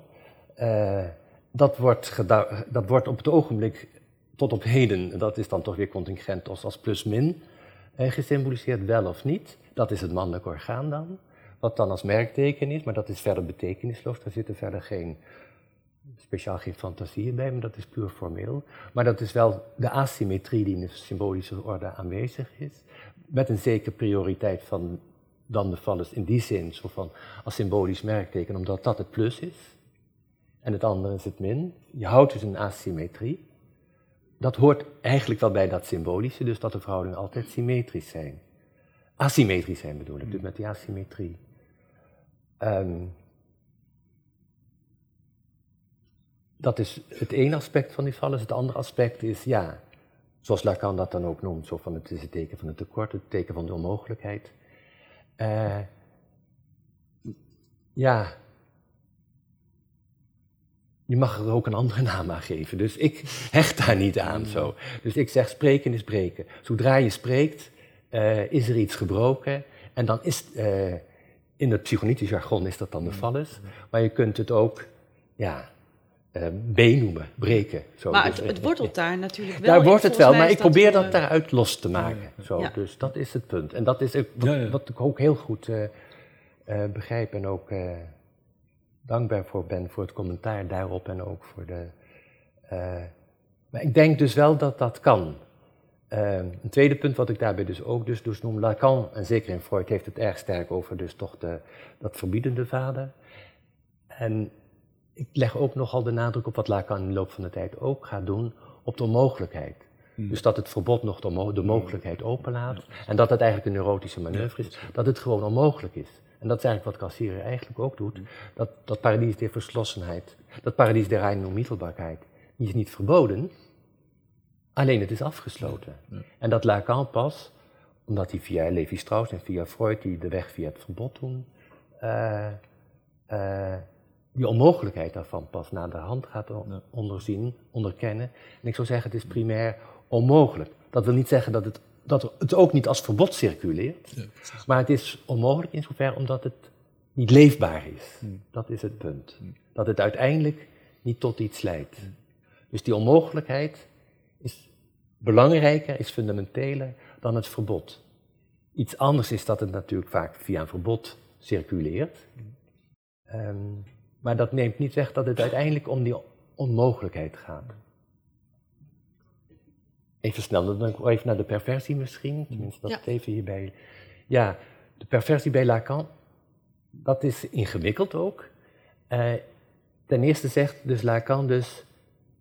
L'essence de l'homme, c'est la perversion. En dan bedoelt hij niet de, man- de, de, de man, maar de mens. Dus de mens is wezenlijk pervert. Daar bedoelt hij niks bijzonders mee. Natuurlijk een beetje om de schrik aan te jagen, maar in wezen alles is nee, tegennatuurlijk. Dus geen natuurlijke seksualiteit, dat, dat is duidelijk. Maar alles is gekunsteld, kunstmatig.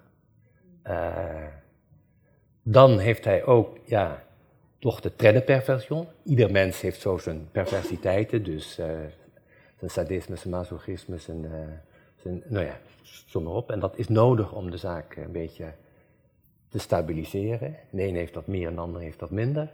En daarnaast heb je dan tenslotte dus die perversion, waar Lacan zelf een groot punt van heeft gemaakt. Die heeft dat, ja, toen hij ook in de jaren zestig ook voor zichzelf begon, zal ik maar even zeggen. Toen was hij ook, kreeg hij ook een soort noodzaak om zijn eigen psychopathologie te ontwerpen. En toen heeft hij daar dus ook die, die perversie zo tot, eh, tot structuur verheven. Eh, maar ik denk toch dat dat een gelukkige greep is, omdat dat toch, toch ja, nou ja, ook vanuit dat schema zo van, je kunt die, die, naam van die vader, dus die wet op een bepaalde manier, je toch toe-eigenen.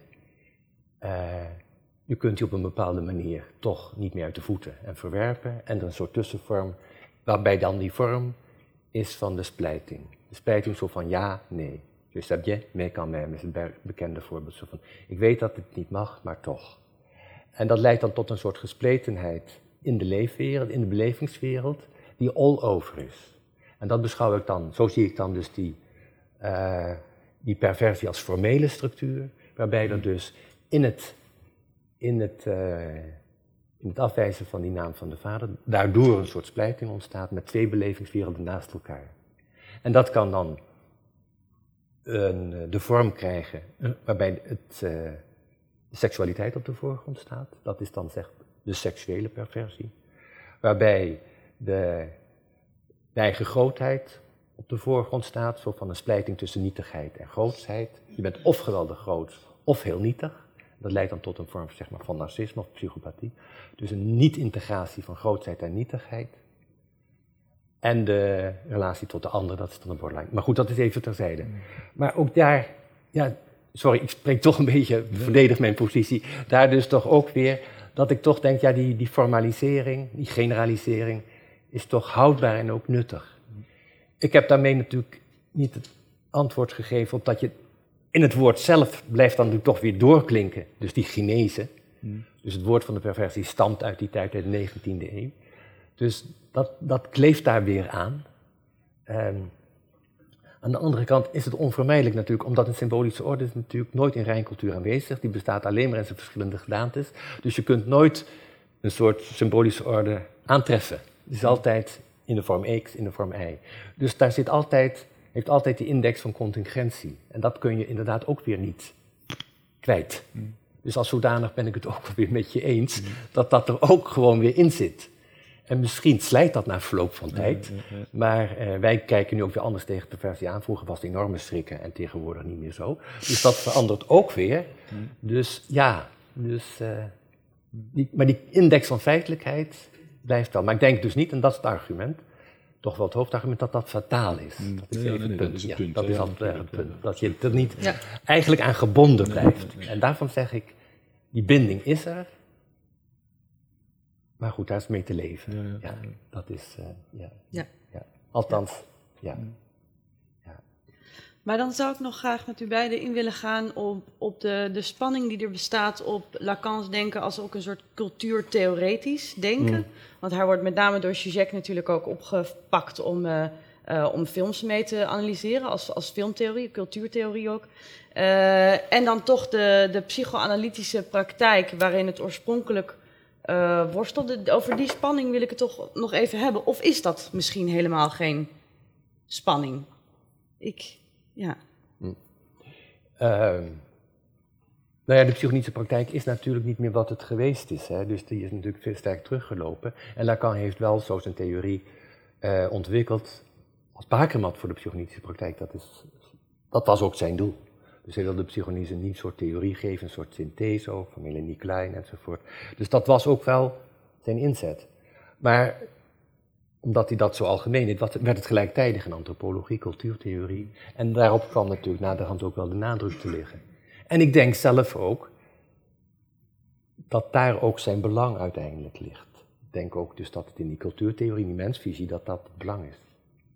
Maar dat wil niet weer zeggen dat alles wat in de naam van Lacan gezegd wordt, dat je dat dan weer voor zoete koek zou moeten slikken.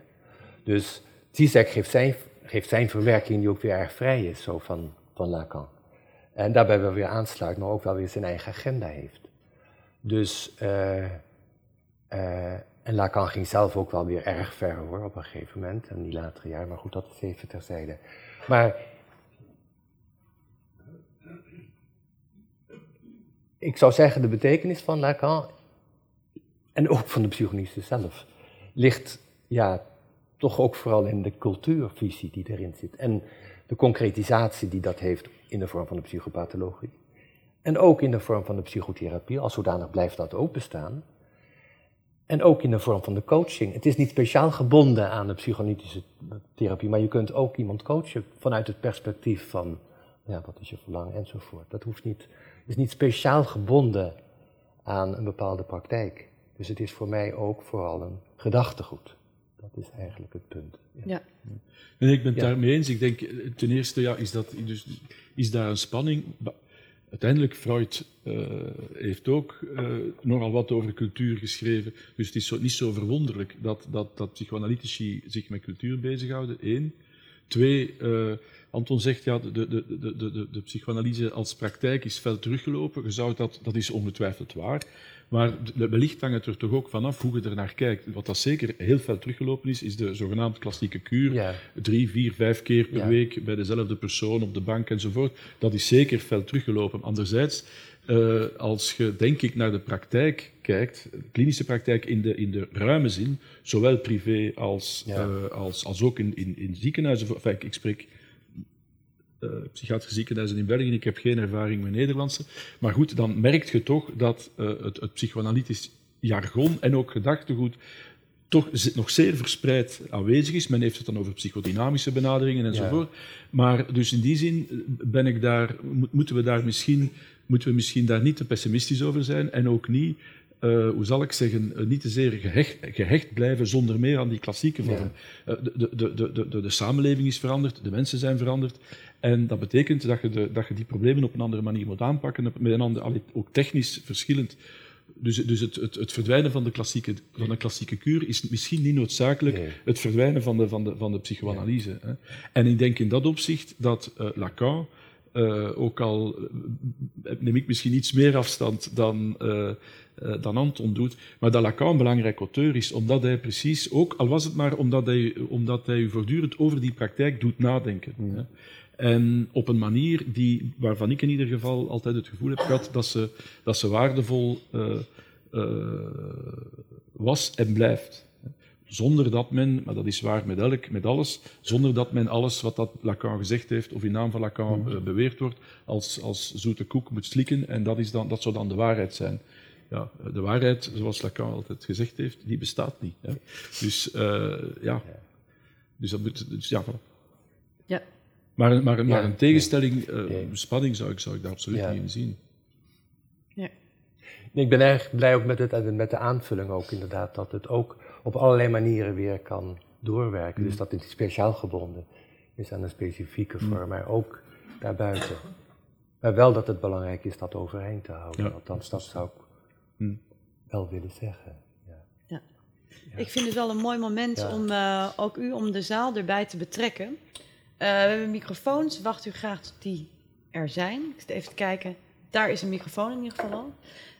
Um, en daar ligt er ook nog eentje, dus daar kan ik zelf mee rondlopen. Even kijken. Ja, steekt u graag uw hand op. Kijk even de zaal in. Jeetje! Zou het echt? Nee, dit is al niet. Daar achterin uh, zie ik een vraag. De microfoon komt eraan. Goedenavond. Uh, ik ben Eliane Muller, ik ben filosoof, maar ik ben ook moeder. Dit keer uh, begin ik niet met een vraag te stellen, maar ik wil een kleine anekdote vertellen. En ik zou het dan fijn vinden als u bij de sprekers Filip van Houten en Anton Mooi daaruit ook een vraag destilleert om te beantwoorden op basis van het verhaal dat u zojuist gehouden hebt. Die anekdote voor mij die gaat als volgt.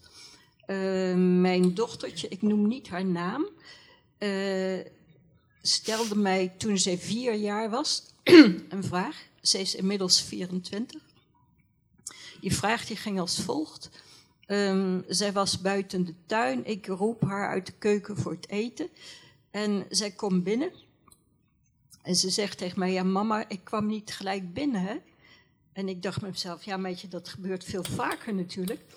Uh, en toen vroeg ik: Waarom kwam je niet gelijk binnen, meisje? Ze zei: Ja, ik hoorde mijn naam. En ik dacht: Hé, hey, dat ben ik. En ik weet dat heel veel meisjes heten zoals ik. En al duizenden jaren lang is dat zo. En toen dacht ik bij mezelf: hoe wisten jullie dat ik het was toen ik was geboren? En die vraag, ze stelde dus niet de vraag waarom heet ik zoals ik heet. Hoe wisten jullie dat ik het was toen ik was geboren? En die vraag houdt mij nu al 24 jaar niet bezig. Ja, nee, nee, die houdt mij als filosoof en als moeder bezig. Niet zozeer omdat ik daar een antwoord op wens, maar hij, hij raakt niet aan zijn einde. En dat vind ik heel mooi, dat vind ik intrigerend. Het is ook zo, een meisje, toen ze 18 was, koos zij filosofie in haar eindexamenprogramma. En ze weet, dat heb ik haar gevraagd, dat die vraag voor mij een filosofische vraag werd. En die is dat voor haar ook geworden. Hoe, hoe wist ik dat ik het was? Hoe wil ik dat ik gekend word? Hoe wil ik dat mijn moeder mij kent? Hoe, hoe wilde mijn moeder dat ik werd wie ik was? Of dat ik was wie ik ben? En dat soort dingen. Dus daar in die anekdote zit ook een vraag aan u. Hoe denkt u daarover nu in het licht van het verhaal dat u hield? Dat trouwens ongelooflijk mooi was. Zelfs zo mooi gehoord als hier. Echt waar. Dankjewel. Nou, ja. Ja, nou, Ja, de lat ligt hoog natuurlijk. en ik zal u gelijk teleurstellen, want ik vind het natuurlijk wel heel erg moeilijk om daarop te antwoorden, omdat het natuurlijk een fragmentje is van dat, eh, van wat u zegt. Ehm, ehm, mm. het doet mij wel denken aan ehm, kinderen hebben op een bepaald moment wat ik altijd noem een metafysische leeftijd. Dan zijn ze altijd heel erg bezig met ja, dood, eh, waar, waar, waar kom ik vandaan enzovoort. En eh, daar doet mij dit ook aan denken. Zo van, eh, sommige kinderen hebben dat meer, andere kinderen hebben dat weer niet. Het is natuurlijk geen wet. Alleen sommige kinderen hebben dat toch wel. En het is toch ook zo. En eh, zij is bezig met dat, met dat, eh, met dat eh, zoeken. En het is ook een beetje de vraag, wat zit er achter de vraag natuurlijk altijd? Zo van, wat wil ze ook weten? Zo van, eh, ehm, zit daar een vraag in van het verlangen van de moeder naar haar toe? Zit er een vraag in zo van, hoe moet ik mij daarin positioneren? Eh, het reflecteert ook misschien iets zoals er gedacht wordt in het gezin zelf.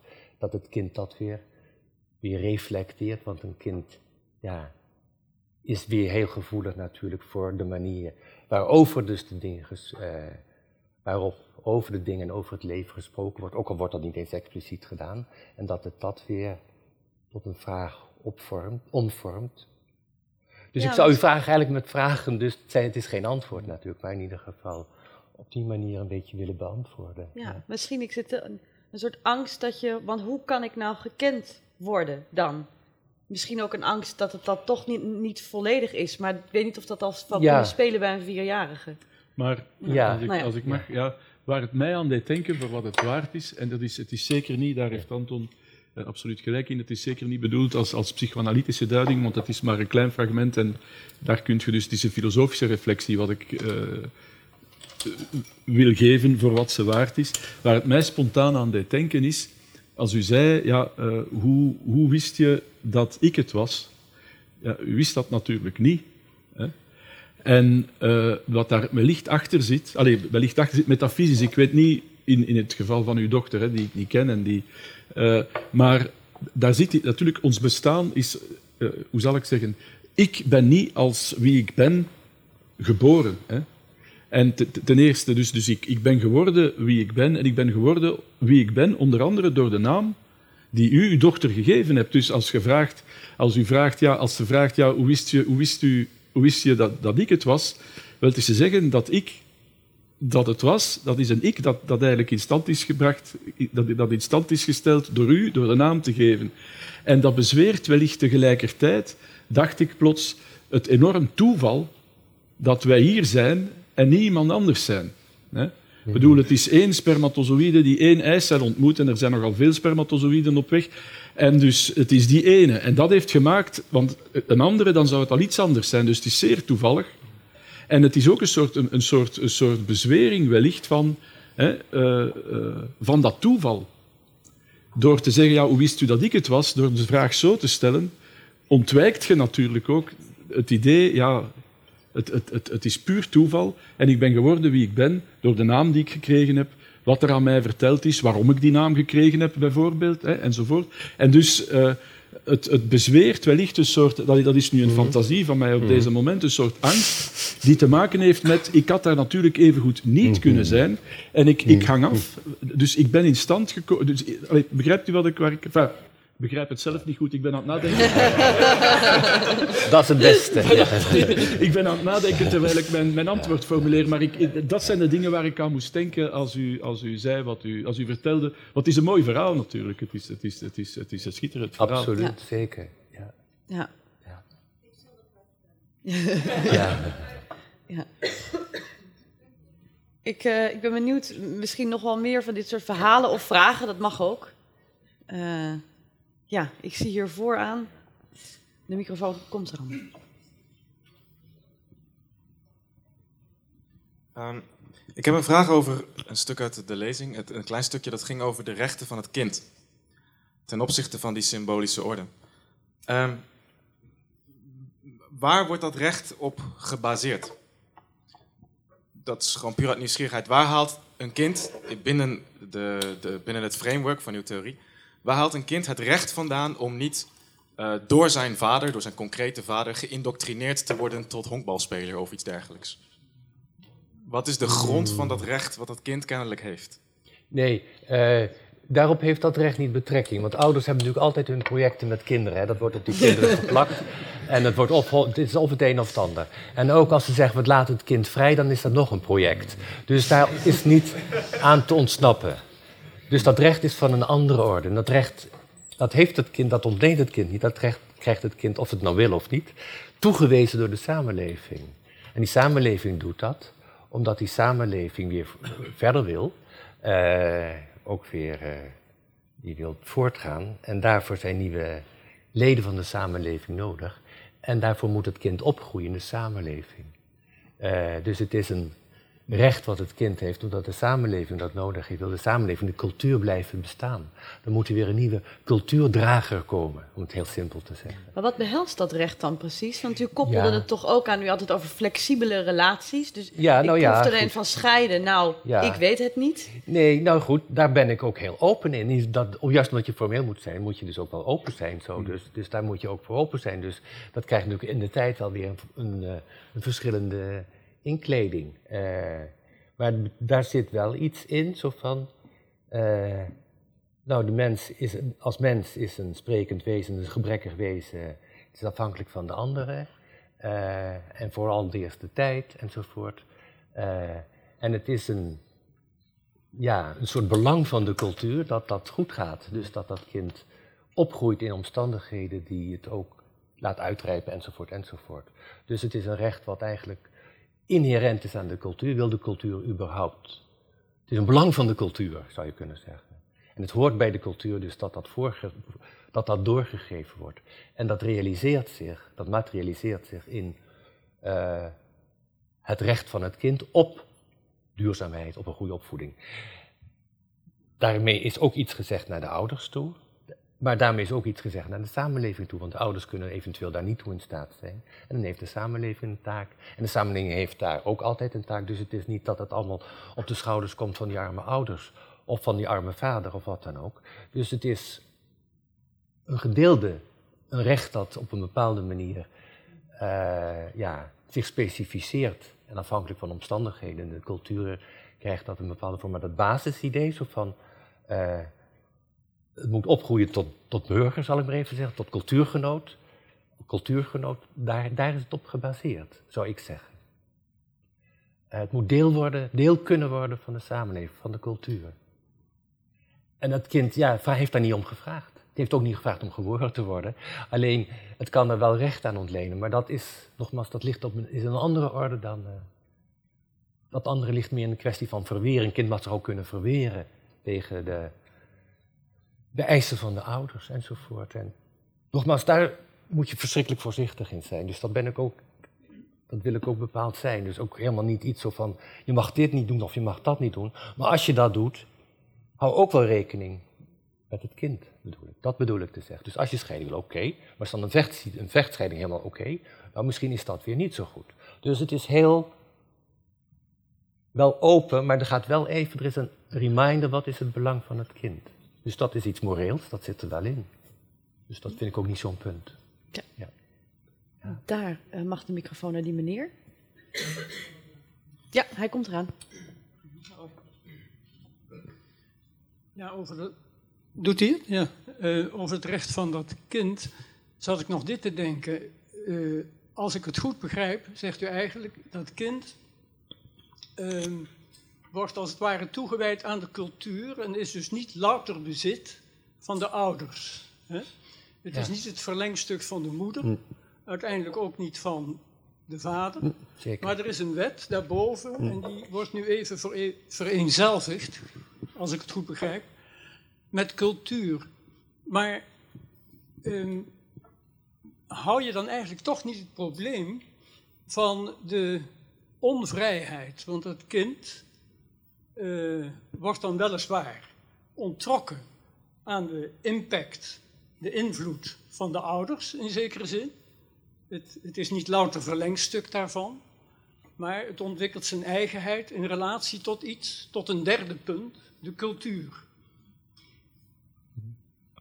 Ik zou zeggen dat het nog een stap verder zou moeten gaan, dat het recht van het kind is dat het zich noodgedwongen natuurlijk in de omgeving, in de cultuur, min of meer tot zichzelf komt, zichzelf kan worden, maar dat het recht erin zit dat hij ook protesteert, in principe, tegen de cultuur. Dus dat er een vrijheid in zit, in wezen, kort door de bocht gezegd, het kind krijgt de ruimte om cultuurkritiek te leveren. Hmm. Zie ik dat goed?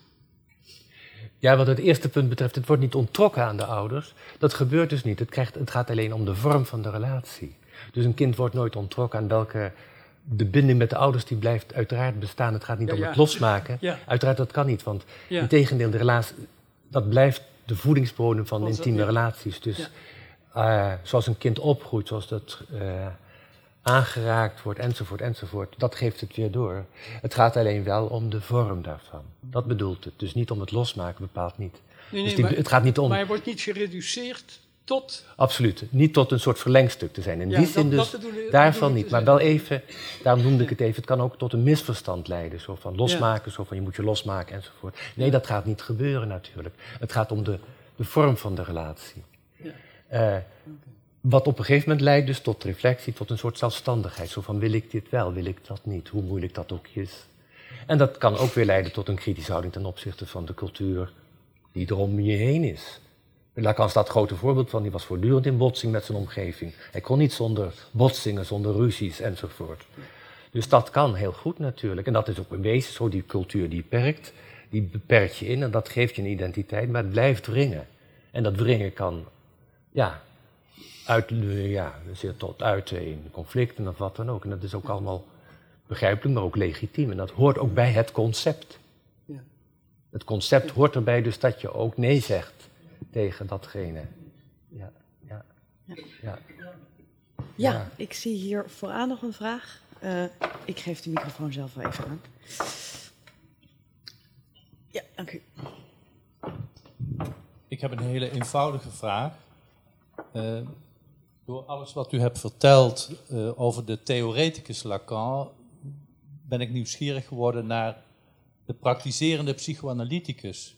Hebt u daar een beeld van? Hebt u daar informatie over? Kunt u daar iets over zeggen? Praktiseerde hij nog terwijl hij de, de colleges gaf? Uh, ja. zijn, was zijn techniek als het ware al beïnvloed door alle denkbeelden die u ons hebt verteld vanavond? Ja, nou zover, in zoverre dus hij was altijd meer dan fulltime psychonicus. Dat was eigenlijk zijn hoofdtaak. En dat, dat was hij ook. Dus die colleges die waren voor hem ook heel erg belangrijk, absoluut. Uh, maar hij was uh, um, ja, zeer toegewijd als uh, psychonicus. En zeker in crisissituaties, dat verhaal ook wat je vaak hoort.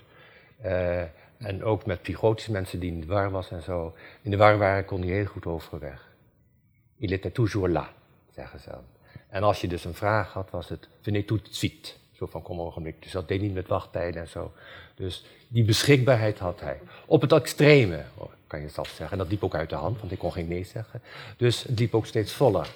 En dan krijg je dus op een gegeven moment ook dus, waardoor hij natuurlijk ook in discrediet is geraakt, dus die latere jaren, waarbij hij dus heel veel uh, cliënten, patiënten aannam. En gewoon te veel, veel te veel. Ja, ik las iets over een, een, een, consult van één minuut. Ja, Dat zijn die, ja je moet dus altijd, ja. bij Lacan moet je ook altijd een periode een beetje in de hand houden. Je hebt de jaren, dus de tijd dat hij dat relatief... Laat ik het zo zeggen. Het basisidee dus is een...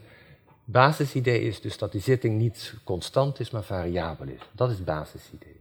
Want hij wilde altijd een soort onzekerheid inbouwen. Zo van...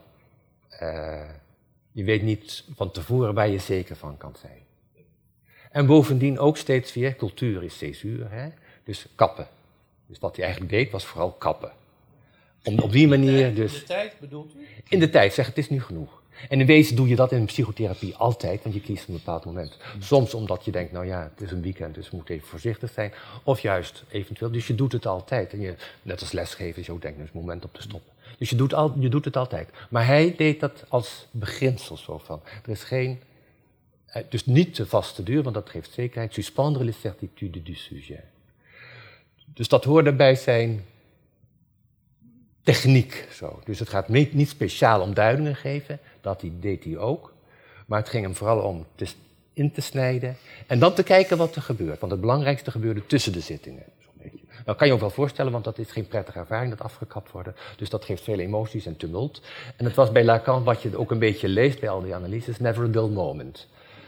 Of dat goed is, is iets anders hoor. Maar hij, dat is een ander punt. Ik zeg niet dat dat goed is. Alleen ik zeg het even, dus dat hij dat zo deed. Hij kon niet... Dat gaf ook iets van zijn tekort aan, dat hij dat niet kon. Maar goed, jij weet er meer van dan wel, ik. Wel, dat weet ik niet, maar, maar ik denk dat, dat uh, het het is misschien ook, eh, dus dat verhaal, enfin, nee, dat is geen verhaal, dat is ook effectief, er zijn ook zo, dus die, die van één minuut, Absoluut, sessies van één minuut enzovoort, dat is zeker gebeurd. Maar er is ook een evolutie geweest. Dus ik denk Lacan, een van de redenen waarom hij uit de internationale organisatie is, is verwijderd, hè, is, is buitengezet, is precies uh, de, de, de, de praktijkvoering.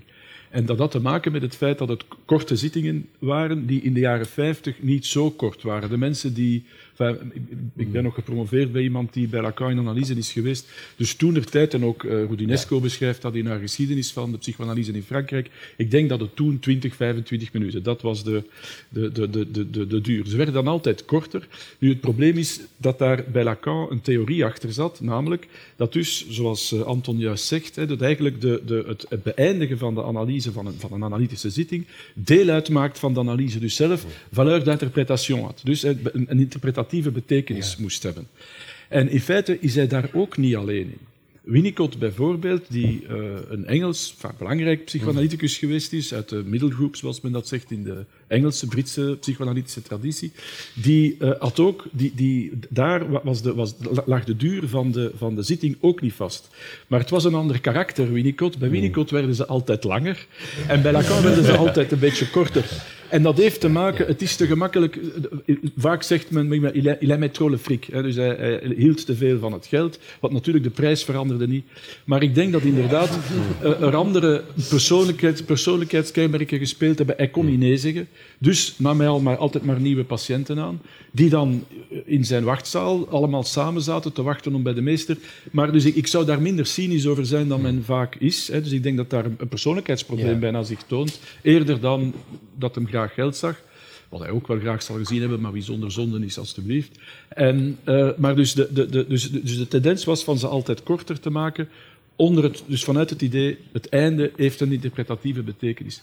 Ik denk dat dat ook, maar ik weet niet wat Anton daarvan denkt, ik denk dat dat ook intrinsiek een, een grote moeilijkheid heeft. Want als het eindpunt van een, van een zitting, dus want hij verzette zich vooral tegen het geroutineerd eh, dus het is altijd drie kwartier. En dus het criterium is dan niet wat je aan het zeggen bent, maar het, probleem, het, het punt is, de tijd is op. Nu, dat is, een, dat, was, dat, is, dat, is, dat is niet analytisch, er moet dus, dat was zijn standpunt. Natuurlijk, ten eerste, eh, als, je, als je patiënten ziet, je bent altijd enigszins afhankelijk van je agenda. Hè. Dat, is, dat is nu eenmaal zo. En dat is ook iets waar mensen ja, mee, mee mee geconfronteerd mogen worden, dat ze niet de enige zijn die bij u in, in, in analyse is. Dat is één. Maar twee, het idee dat de analyticus de zitting afsluit, op, dus met een interpretatie eigenlijk, want het afsluiten zelf is een interpretatie, dat daardoor, de kans is toch vrij groot dat men daardoor aan de, aan de, aan de therapeut, psychoanalyticus, een, een, een, hoe zal ik zeggen, bijna oraculaire macht toeschrijft, een inzicht toeschrijft, dat hij niet heeft, want hij had misschien gewoon buikpijn en hij wilde pilletje pakken. Hè? Eh, maar, maar hij zegt na tien minuten, het is nu goed geweest, dus dat heeft betekenis. En Lacan eh, heeft altijd de overdracht, psychoanalytische overdracht gethematiseerd volgens de formule celui que je suppose savoir, je l'aime. Degene van wie, van wie ik veronderstel dat hij het weet, dat hij een antwoord heeft op mijn problemen, daar houd ik van. En de, de, de, de, analyse werd dan vaak gedacht als het proces waarin ik tot het besef kom dat, dat de analyticus het ook niet weet? En dus déchoir de sonnetten, de desaiteren enzovoort. Dus de analyticus moet van zijn, van, van zijn stoel af. Men moet tot het besef komen, er is geen antwoord op mijn fundamentele vragen. De analyticus heeft dat ook niet. Maar natuurlijk, als je een theorie hebt, volgens de welke het, eind, het einde van elke zitting een interpretatie heeft, dus de, de analyticus heeft daar iets gezien dat jij niet gezien hebt, dan is de kans zeer groot dat dat eigenlijk in plaats van dat verondersteld weten eh, te laten afbladeren, dat dat iedere keer opnieuw heringesteld wordt, want het orakel heeft weer gesproken.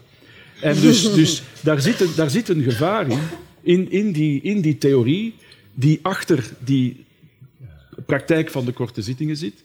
Ehm, maar tegelijkertijd denk ik dat men daarom, men moet altijd voorzichtig zijn, dat is heel gemakkelijk te karikaturiseren. En ik denk dat het bij sommige patiënten, enfin, Anton moet, mij tegenspreken als, ik het, als hij het er niet mee eens is, maar bij sommige patiënten kan dat bij uitzondering wel eens een goed idee zijn, van na een kwartier te zeggen het is nu goed geweest. Ja. En, en omdat je dan inderdaad iets kunt losmaken, je weet niet wat, hè, maar dat je in ieder geval door, vooral bij dwangmatige mensen bijvoorbeeld, denk ik dat dat soms wel eens, wel kan zijn, maar niet als regel. Dus ik zou mij daar tegen, tegen, tegen verzetten, want uiteindelijk een vaste duur van een zittijd, het voordeel daarvan is ook dat het de mensen beschermt, hè, een, soort, een, soort, een soort zekerheid geeft. Ik heb drie kwartier en dus ook als ik drie kwartier wil zwijgen, dat is mijn recht. Nou, over, over tijd ja. gesproken, want eh, wij, doen, wij, doen, wij doen hier wel aan een vaste Ja, duur, al gaan we er nu een klein beetje, een klein beetje over. Hè. Ja. Ehm, ja, je, en laatste vraag is dan opeens, nee, ik weet het wel. Ehm, eh, het, het ging even over de, de analist ook als een soort orakel, of die je wel inzichten kan geven. Is er een bepaald, eh, eh, op welke manier heeft Lacan voor u gefunctioneerd als orakel? Heeft u ooit zo, heeft hij iets geopend? Maar niet als orakel. Eh, maar hij heeft wel mij eh, dingen geopend, dus een beetje. Dat is ook, het heeft mij ook wel geholpen mij mezelf te begrijpen.